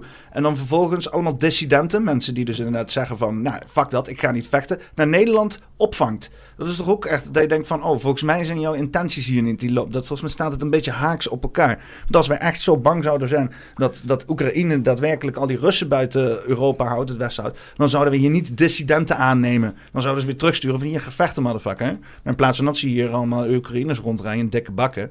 En eh, schijnbaar eh, is dat allemaal prima, terwijl wij inderdaad eh, belastinggeld die kant op sturen. maar je bent vluchteling en je komt hier in de duurste bak binnenrijden. Maar als jij als Nederlander, en daar hebben we een uurtje geleden over gehad. Als jij als Nederlander inkomen wil genereren, dan zeggen ze: U moet eerst alles opeten. U eet uw huis op en u eet uw auto op. En als u dan echt niks meer hebt, dan gaan we u helpen. Maar een Oekraïne die komt in de duurste Mercedes binnenrijden. Maar die wordt geholpen. Ja. En want oorlog die de staat zelf in stand houdt. Juist. Ja, En die krijgt meer inkomen dan het minimumloon hier is. ja dat... En, ja. en dat is toch ook krankzinnig? Dus de Nederlander Mensen moeten nog moeten- plek maken ook nog. Hè? Dan moeten ze een Oekraïner in huis nemen en dat soort dingen. Of dat werd dan verwacht van mensen en zo. Ja. Dat is ook nog zoiets. Dus eh, nee, het, is, eh, het beleid is echt compleet ontspoord. En er moet echt heel, heel, heel veel gebeuren. En eh, we hebben Samen voor Nederland opgericht. En als je mij mag vragen, zeg ik, oh, doe mij één termijn. En, en dan ben ik het liefst na vier jaar echt weg. Want ik heb helemaal niet de zin en de ambitie om, om levenslang de politiek in te gaan. Maar dit waar we nu allemaal over praten, is niet op te lossen in vier jaar. Ik denk dat een heel levensjaar, een heel leven lang nodig heb om dit allemaal weer... eh, Maar je moet, het hele land is verkocht. Je moet alles weer terugkopen. Ja, maar daardoor, eh, eh, eh, en die hebben we natuurlijk nog niet gehad, eh, eh, grenzen dicht, Nexit en overnieuw beginnen. Ja. Gewoon overnieuw beginnen. Is dat haalbaar, Nexit? Eh, het kon in Engeland toch ook, Brexit. Ja, die hebben wel een eiland, zeg maar. Hè? Dat is wel enigszins wat Ja. Eh, als wij eh, gewoon de bomen, slagbomen dicht doen en we creëren een eiland, dan hebben we weer een eiland. En, en Zwitserland is toch ook het eiland?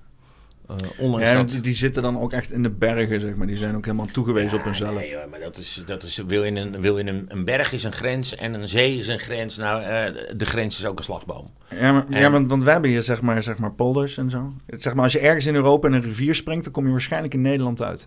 Ja, maar goed, als jij op die manier vluchteling wil zijn en je wil via de Rijn eh, wil je Nederland binnenkomen of je wil Nederland uitgaan. eh, dat- natuurlijk zijn er altijd wegen die naar Rome leiden. Een stuk veiliger, een stuk veiliger als, Nee, de, Noord, maar- als de Middellandse Zee overvaren. Dat wel. Ja, dat wel. Maar eh, nee, Nederland moet echt de EU uit. Als je ziet wat de EU ons kost en wat het ons opbrengt. De EU is de nekslag en daarom staat hij bij ons ook op één, een nexit. Oké. En niet de voedselbanken. Terwijl ik meer mensenmens ben. Ik zou uit menselijke overweging liever de bestrijding van de voedselbanken bovenaan hebben staan. Maar de bestrijding van de voedselbanken betreft niet de hele bevolking. Maar de hele bevolking heeft de pijn aan, aan de Europese Unie. En we moeten de EU uit. En de grenzen moeten dicht. En we moeten overnieuw beginnen.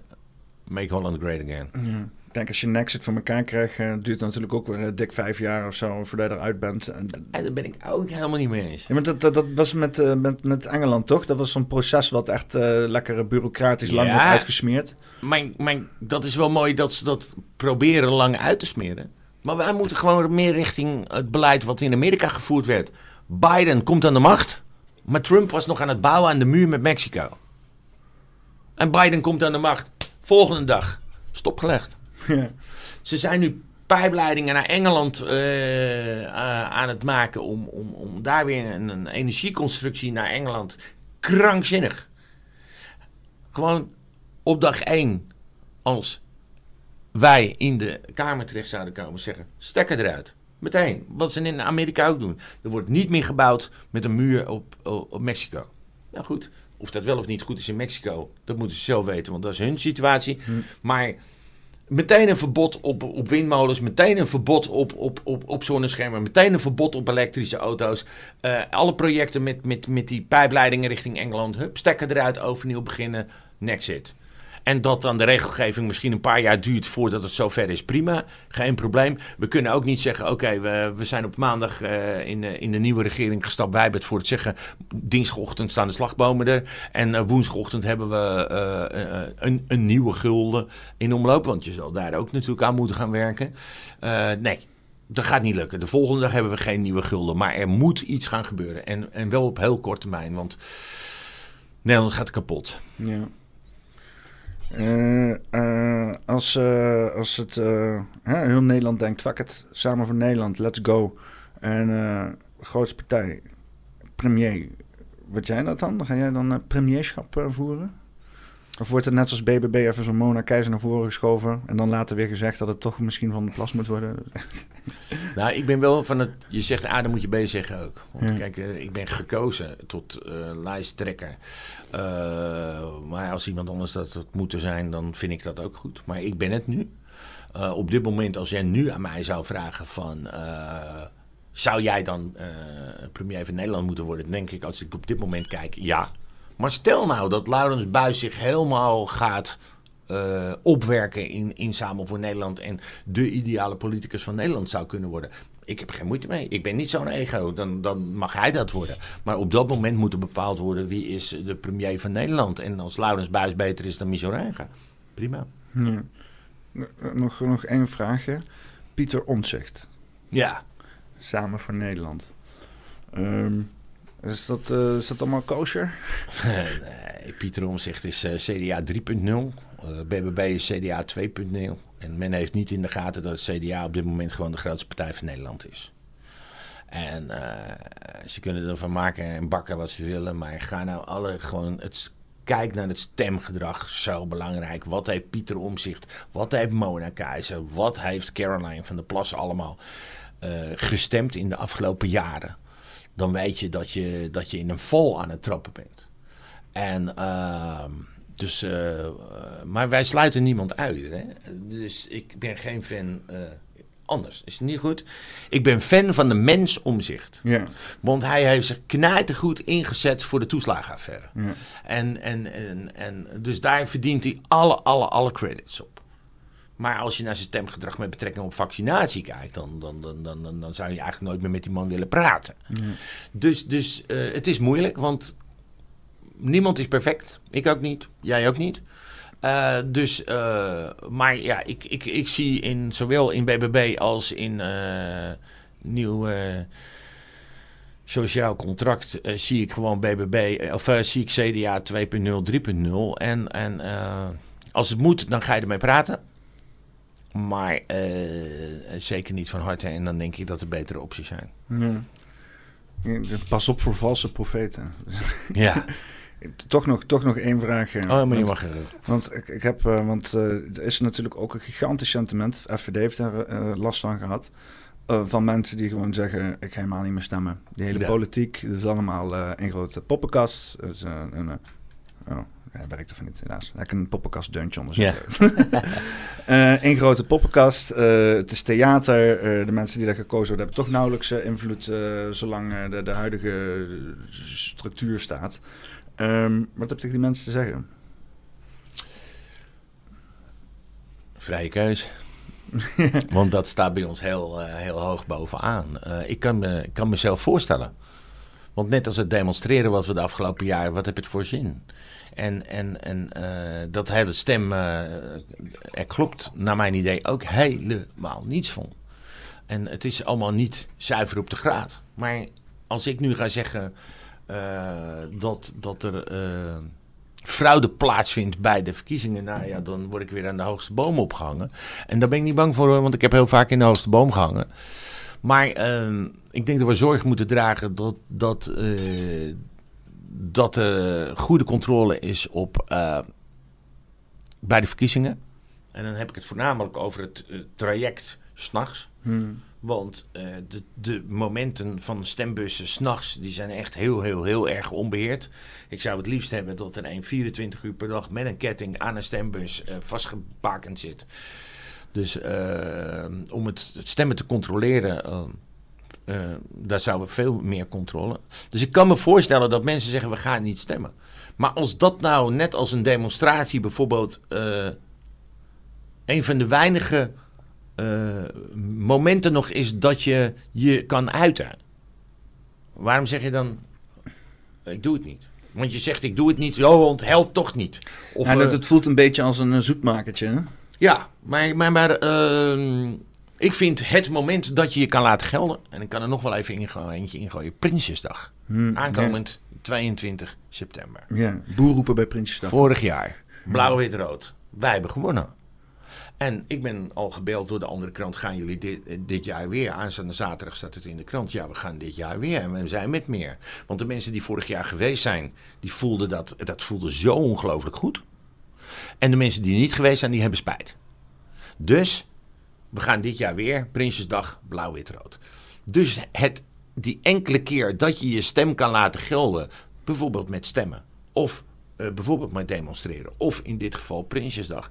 Dan moet je naar mijn idee je stem laten horen. Maar ja, vrije keuze. Als jij het niet wil doen, doe je het niet. Ja. En dat is wel schappelijk. En je kan mensen niet dwingen natuurlijk. Hè? Is illegaal. ja. Ja, je hebt natuurlijk met dat stemmen heb je, ik heb er een tijdje bovenop gezeten met de OSV 2020. Dit ja. uh, is een stemprogramma die dan, uh, waar dan alles in komt en telt. Die toen geëikt is door uh, een of ander bedrijf aangewezen door de D66. Of in ieder geval een bedrijf dat ook de D66 zo nu en dan donaties geeft. Dus dan verhullen ze toch een beetje hun banden, zeg maar. Weet je daar iets van? Is er al iets van verbeteringen aangetroffen? Werkt dat programma? Is dat allemaal goed? Is dat... Nou ja, wij zijn nu gevraagd voor of we mee willen werken aan de stemwijzer. Okay. Nou, die is voor de, de laatste verkiezingen 7,9 miljoen keer bekeken, dus erg belangrijk. Maar ja, daar zie je gewoon aan de formulering van bepaalde vragen dat je in een bepaalde hoek ingedreven wordt. En, en, en, uh, ja, en de hoek mag dan gewoon wel links zijn van, ja, dan, maar dan ben je ook uh, D66 en dan ben je ook eh, VVD, weet je. En um, een, een, een, een, groep jongens uit het Westland, Kassen, Kassenkant, Zuid-Holland, laten we het zo maar even noemen. Die hebben de alternatieve kieswijze vorig jaar laten bouwen. Op de achtergrond Maurice, van Maurice de Hond daarbij betrokken. En die hebben de kieswijzer gebouwd. Niet op basis van de beloftes die op een website staan, maar op basis van stemgedrag. Hmm. En toen kreeg je toch een heel andere uitslag. Want de beloftes die de VVD uh, eh, gemaakt heeft, komen totaal niet overeen met de realiteit wat ze in de Tweede Kamer stemmen. En dat hebben andere partijen natuurlijk ook last van. Ehm, die website is uh, geblokt. Die is niet heel lang actief geweest, want ja, dat is natuurlijk anti-overheid. Meen je niet? Ja, en, uh, maar het was wel een hele goede website. Want, onder welke reden is hij geblokt? Misinformatie of zo? Ja, dat moet je bij de, bij de mannen zelf vragen. Maar, maar, maar uh, waarom hij op een gegeven moment uit de lucht gegaan is, dat weet ik niet. Terwijl ik Mark had toch echt nog gisteren gesproken, maar ik weet niet waarom hij uit, uh, uit de wereld gehaald is. Ik heb hem gevraagd, wat gaan jullie nu doen? Hij zei, we, gaan hem, we zijn hem nu weer aan het aanlaten passen. Ja. En toen was de vraag van, hoe doe je dat met ons? Wij hebben geen stemgedrag. Ja, maar jullie kunnen er dan niet in. Ik zeg, oh, maar dat is dan eigenlijk heel raar. Ik zeg, want dan krijg je een vertekend beeld. Want Pieter Omzicht heeft geen eigen partij. Nieuw sociaal contract is een nieuwe partij. BVNL had stemmen van de FVD, is een nieuwe partij. Uh, uh, Caroline wel binnen met BBB. Maar als je de nieuwe partijen niet toe kan laten in een stemwijzer, heb je een kromme stemwijzer. Dus ze zullen daar toch iets aan moeten gaan doen. Wil dat uh, een, een, goed concept gaan worden weer. En ik was er erg enthousiast over. En ik ga er ook vanuit dat de mannen vindingrijk zijn uh, om, om dat naar een succes uh, te brengen. Maar stemwijzer is gewoon belangrijk. Ja. Want voor ons is het bijvoorbeeld heel belangrijk. Stel nou, en de kans is vrij groot. Jouw stemadvies van de stemwijzer, en dan hebben we het maar even over de landelijke stemwijzer, is PVV-FVD. Mm Heel veel Nederlanders voelen zich daar niet comfortabel bij. Wow, Geert Wilders, Thierry Baudet. Ja, jij hebt net al uh, bij ons op de site gekeken. Wij zijn een stuk menselijker dan dat gemiddelde denkt. En stel nou, wij zitten ook in dat rijtje. Wij, wij vallen ergens tussen PVV en FVD in. Ja, die kans is vrij groot aanwezig. Ja, ja en dan kom je toch op een menselijkere partij uit uh, dan. dan uh, en ik zeg helemaal niet dat hun niet menselijk zijn. Eigenlijk zeg ik het wel, maar zo bedoel ik het niet. Uh, uh, maar uh, het oordeel over Thierry en het oordeel over Geert is natuurlijk al helemaal gevuld. Oh, vreselijke mensen. En daar ben ik het helemaal niet mee eens. Maar als wij daartussen vallen, is het voor ons heel mooi. Dus voor ons is het fijn dat we mee mogen doen met de stemwijzer. En ik hoop dat we meer dan 7,9 miljoen keer uit de koken komen. Ja, want, ja, inderdaad. Want stemwijzer, want dat is door de overheid opgezet ja. programma. Hè? Is inderdaad al raar, want uh, de overheid wordt geleid door het kabinet. Dus het kan donderop tegen zeggen als dat aangestuurd wordt vanuit het kabinet dat er allerlei belangenverstrengeling zitten natuurlijk. Maar, Tuurlijk. Maar jullie worden dan daarin geïncludeerd. Hoe, gaat het dan? Krijgen jullie dan een vragenlijst? Of, uh... Wij moeten informatie, uh, wie zijn wij, waar staan we voor? En dat is dus het verschil met die andere. Waar staan wij voor? Dat moet de toekomst nog maar bewijzen. Maar wat wij zeggen, dat gaan wij nakomen. En daar staan wij ook voor. Uh, en dat waar wij voor staan wordt uh, uh, in, de, in de website geduwd. En aan het einde van de streep, ik noem maar wat vraagstelling 1. Bent u voor of tegen de EU? Even heel krommers vraagstelling. Ja, wij zijn tegen de EU. En dan kom je bij ons uit. Ben je voor de EU, kom je bij de, bij de VVD uit. Want Rutte is voor, voor de EU. Zoiets. Dus wij moeten onze, wij krijgen een vragenlijst en die moet ik voor 25 september ingediend hebben. Hm. En dan uiteindelijk zal er in de toekomst een stemadvies. En, en zo zijn er nog wel meer. Zentijk politieke partijen komen wij bijvoorbeeld ook ineens voor in aanmerking. Ja, dat is mooi. Dan komen we eindelijk een keertje op uh, Nederland 1, 2 en 3. We zijn uh, met alle protesten, anti-overheidsprotesten, want we zijn geen coronademonstranten, we zijn anti-overheid demonstranten. Uh, zijn wij twee, drie jaar lang geblokt. En nu door politieke zendtijd komen wij in beeld. Nou, dat gaan we doen. Dus we gaan er het beste van maken. Ja. Anti-overheid, of niet anti-institutioneel extremisten, hè? nee. Uh, um, ja, dan ga ik rustig uh, richting een uh, eindje breien. Kunnen we ook nog even genieten van een hele mooie dag, volgens mij. Uh, heb je nog uh, iets om uh, mee af te sluiten? Wil je nog iets deel, nog laten weten? Of een onderwerp of zo? Of iets waar je nou, denkt van, dat ik denk dat we nog wel één heel belangrijk... Een belang, er zijn echt superveel aspecten die we nog vergeten zijn, weet je. Want ik ja, begon... nog even doorgaan. Nou, ik begon een lijst met 40 punten. Die hebben we naar 25 gehaald. Toen werd het er 14. We hebben nu gisteren vergaderd om daar toch maar een top 10 speerpunten van te maken. Want 10 is dan toch echt wel de kracht maximaal in een verkiezingscampagne. Hm. Maar goed, ik wilde toch nog wel één uitlichten. We hebben uh, Stop War, Stop Woke, maar we hebben ook Stop West. En we hebben uh, amper gesproken over het World Economic Forum. Ja. Maar uh, dat is wel het grootste kwaad wat uitgeroeid moet worden buiten Nederland. En de versprekingen van Rutte in, de afgelopen jaren zijn eh, duidelijk geweest dat eh, de plannen eh, besproken bij het World Economic Forum, de rode lijntjes, de rode draad, enzovoort, enzovoort, enzovoort. Het World Economic Forum, ehm, waar Maxima in zit, waar, waar Tweede Kamerleden in zitten, dat, dat zou helemaal niet, niet mogen. Hun praten voor hun beurt buiten Nederland. En uh, de eerste organisatie die, die wat ons betreft uh, voor de Tweede Kamerleden in ieder geval verboden dient te worden, is het World Economic Forum. Want het is echt slecht, heel, heel, heel slecht gesteld. You will own nothing. Maar je bent wel happy.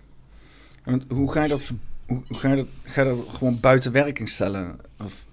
Ja, ik vind gewoon dat, dat uh, er moet binnen de Tweede Kamer of een verbod komen voor het contact uh, met een World Economic Forum.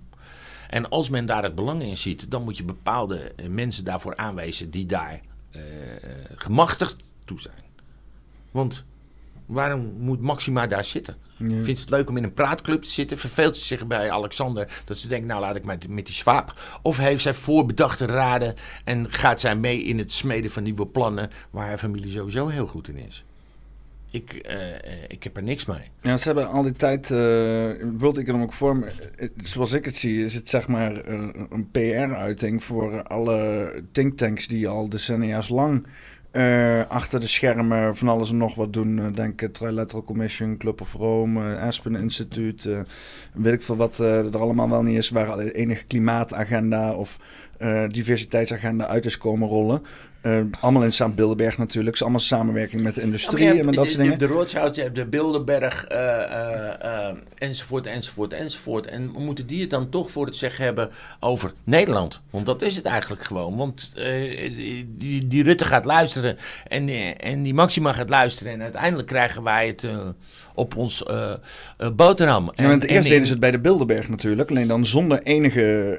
dan was het allemaal geheim. Het was geheim. 2014, ik heb de uitzending nog RTL Boulevard, een geheime meeting Bilderberg en, en, en ja, ik heb ook gezien, van, de van de Voorst. Uh, oh, het is allemaal zo geheim. En het, is, het gevaar is nu dat het niet meer geheim is. Dus, dus uh, zolang het nog een beetje ondergronds moddert, dan is het niet zo groot. Maar op het moment dat, je, dat ze het zo openbaar gaan maken als dat het nu is, wordt het nog gevaarlijker. En uh, ja, er zijn, uh, uit dit soort organisaties zijn de meest vreselijke oorlogen ontstaan met mensen die een ander uh, wereldbeleid. En we hebben net al gehad over, over de Rothschilds. En het kan niet zo zijn dat Bill Gates het voor het zeggen krijgt in de wereld. Laat ik dan maar even iets anders roepen dan de Rothschilds. Of hoe heet die, die, die, die, die Twitter X. Ja, uh, X. Elon Musk. Uh, weet je, dat, uh, het kan niet zo zijn dat degene met het meeste geld de meeste macht krijgt. Dat, dat, dat kan gewoon niet. En wij zullen ons daar gewoon hermetisch voor af moeten sluiten. En als we nou gewoon beginnen. En dat is een beetje, en dan hebben we wel weer een stukje Europa-beleid meteen te pakken. Als we nou beginnen met gewoon een Nexit uit te voeren. En de wedstrijd zal denk ik zijn tussen Nederland en Zweden. Wie is het eerste eruit? Uh, dan, uh, en dan komt vanzelf Italië erachteraan. En als het op een gegeven moment zover is dat er drie uit de EU, dan is het op een gegeven moment gauw gedaan met de EU. En dat is een beetje het hele verhaal wat erachter zit. Uh, wij hopen eerlijk gezegd als een van de allereerste na Engeland de EU uit te zijn. En dan dat sneeuwbalproject uh, effect uh, creëren. Zwexit ligt misschien ook op de route. Hè? Ja, ja. ja. ja maar goed. Zweden-exit volgens mij. Ja, en om dan maar meteen alle ondernemers tevreden te stellen. Want ondernemers zijn natuurlijk heel erg bang. Oh, een, een exit en dan hebben we problemen met, met invoeren en, en, en buitenland. Want dan zijn we ineens buitenland. En nu zijn we één. We hebben nog een EEG-verdrag. En een EEG-verdrag, als je dat gewoon nakomt, dan heb je een handelsovereenkomst die je nog steeds. En dan is die vrije handel, eh, handelsmarkt nog steeds van toepassing. Dus wij willen wel het EEG respecteren, EU niet respecteren. En hopen dat de sneeuwbal heel snel door Europa gaat. En laat dat dan meteen ook de waarschuwing zijn naar het World, World Economic Forum. Op het moment dat de EU gaat, dan gaat het hele zootje uh, veranderen in de wereld. En uh, ja, we moeten gewoon uh, de drempel ehm, voor politici en het Koningshuis richting het World Economic Forum zo dusdanig hoog maken. Wij zijn Nederland en niet het World Economic Forum. Ja. Ja, een val van de EU zou misschien ook een val van eh, de United States of de val van eh, eh, eh, CCP kunnen betekenen.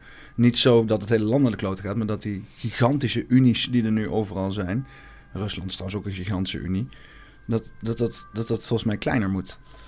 Ja, als alles weer gewoon kleiner wordt en blijft, dan denk ik dat het ook menselijker is. En, en, en eh, het juist formeren van heel Europa is één, heel Amerika is één. En, en eh, dat is niet goed voor de mensheid. Nee. Wordt het alleen maar één grote bureaucratische, gedistanceerde apparaat waar je geen aanspraak meer op kan doen? Ja, je, gaat op een gegeven moment krijgen van ik ben eh, als Amerika groter dan Europa. En dan, dus het begint al van we, we willen eenheid van Europa maken. Maar dan wil je op een gegeven moment naar een eenheid van de wereld maken. En dan krijgen we die wedstrijd weer. En dan moet je niet naartoe willen. Eh, laat, laat, laten we maar eens eventjes, en dat, dat zal zeker de komende jaren bij ons van toepassing zijn. Nederland is ziek en Nederland moet beter gemaakt worden. En we gaan ons best voor doen. Oké. Ja. Mooi. Dan, dan volgens mij eh, verder niks meer toe te voegen. Nee, ik denk wel. Ik vind het wel mooi geweest. Ze mogen, ze mogen allemaal naar de website. Ze mogen naar de website. Wat, wat is de website? Eh, Samen, samen streepje streep- voor streepje Nederland.nl. Nou, veel streepjes hoor. Ja, Zo, eh, Als ik jullie online marketeer was geweest, dan had ik gezegd nop. nee, dat snap ik. Maar er is niets in die richting meer, meer Ja, te samen vinden. voor Nederland is wel een beetje... Ja. Ja. We hadden wel nog samen voor Nederland.eu. Ja, Samenvoor.nl dan kan zitten ook we weer aan die EU vast. Wat zeg je? Samenvoor.nl? Eh, geen idee. Maar goed. eh, wij doen het eh, hiermee en... en eh, Jij gaat het echt meteen op. Gewoon meteen, ja, dit is, dit is, dit is mijn merk, dit is wat ik doe. Dus- Ja, nou ja, goed, maar ik er waren natuurlijk zijn er altijd mogelijkheden. Ehm, we zouden ook namen over kunnen kopen. ja, Maar- nou, ja. Ja, maar moet je dat willen? En misschien moet je wel eerst zorgen dat je een stuk groter bent en bekender bent. En dat je dan denkt van nou weet je wat, we gaan toch maar samen voor Nederland.nl kopen. Samenvoor.nl. Niet beschikbaar. Ja, dus betekent dat hij wel beschikbaar is. Oh, oké. Maar dan moet je hem snel kopen voordat het jij- uitgezonden wordt. Jij doet, jij, jij doet het dan op een andere weg. Ik, ik, ik ga ervoor naar Hostnet. Ja, ja, ja. En eh, ik doe het op die manier. Maar ehm, ja, ik denk dat de toekomst toch zou moeten zijn, want ik weet wat het kost. Ik zal het niet in de uitzending gooien, maar het is een vrij hoog bedrag. Maar samen voor Nederland.nl, dat zou natuurlijk het mooiste zijn wat wij kunnen hebben. Maar ik vind het gewoon krankzinnig als je als startende bedrijf een pak geld op tafel gaat gooien voor iemand die eh, met een eh, URL-naampje geld wil verdienen. Dus wij doen het gewoon even niet. ja. Wij doen het hiermee. Dan eh, gaan we, gaan we een, een ik zet de link voor de website sowieso onder in de video, dus je kan gewoon klikken, hoef niet eens in te typen. En ehm, altijd een titel verzinnen. Dus eh, heb je, heb je eh, iets wat we in gedachten, dus gaan we, gaan we het gewoon samen voor Nederland noemen? Gaan we iets anders? Ja, Hebben jullie een onze- verkiezingsslogan onze- of zo? De verkiezingsslogan is focus op Nederland. Dat is, dat is een mooie titel voor deze video. Focus, op Nederland. Ja, dan houden we hem daarop. Dan eh, is dit eh eh, Poppenkast nummer 136 met Michel Rijnga. Eh, Focus op Nederland. Hartstikke bedankt. Jij ook bedankt.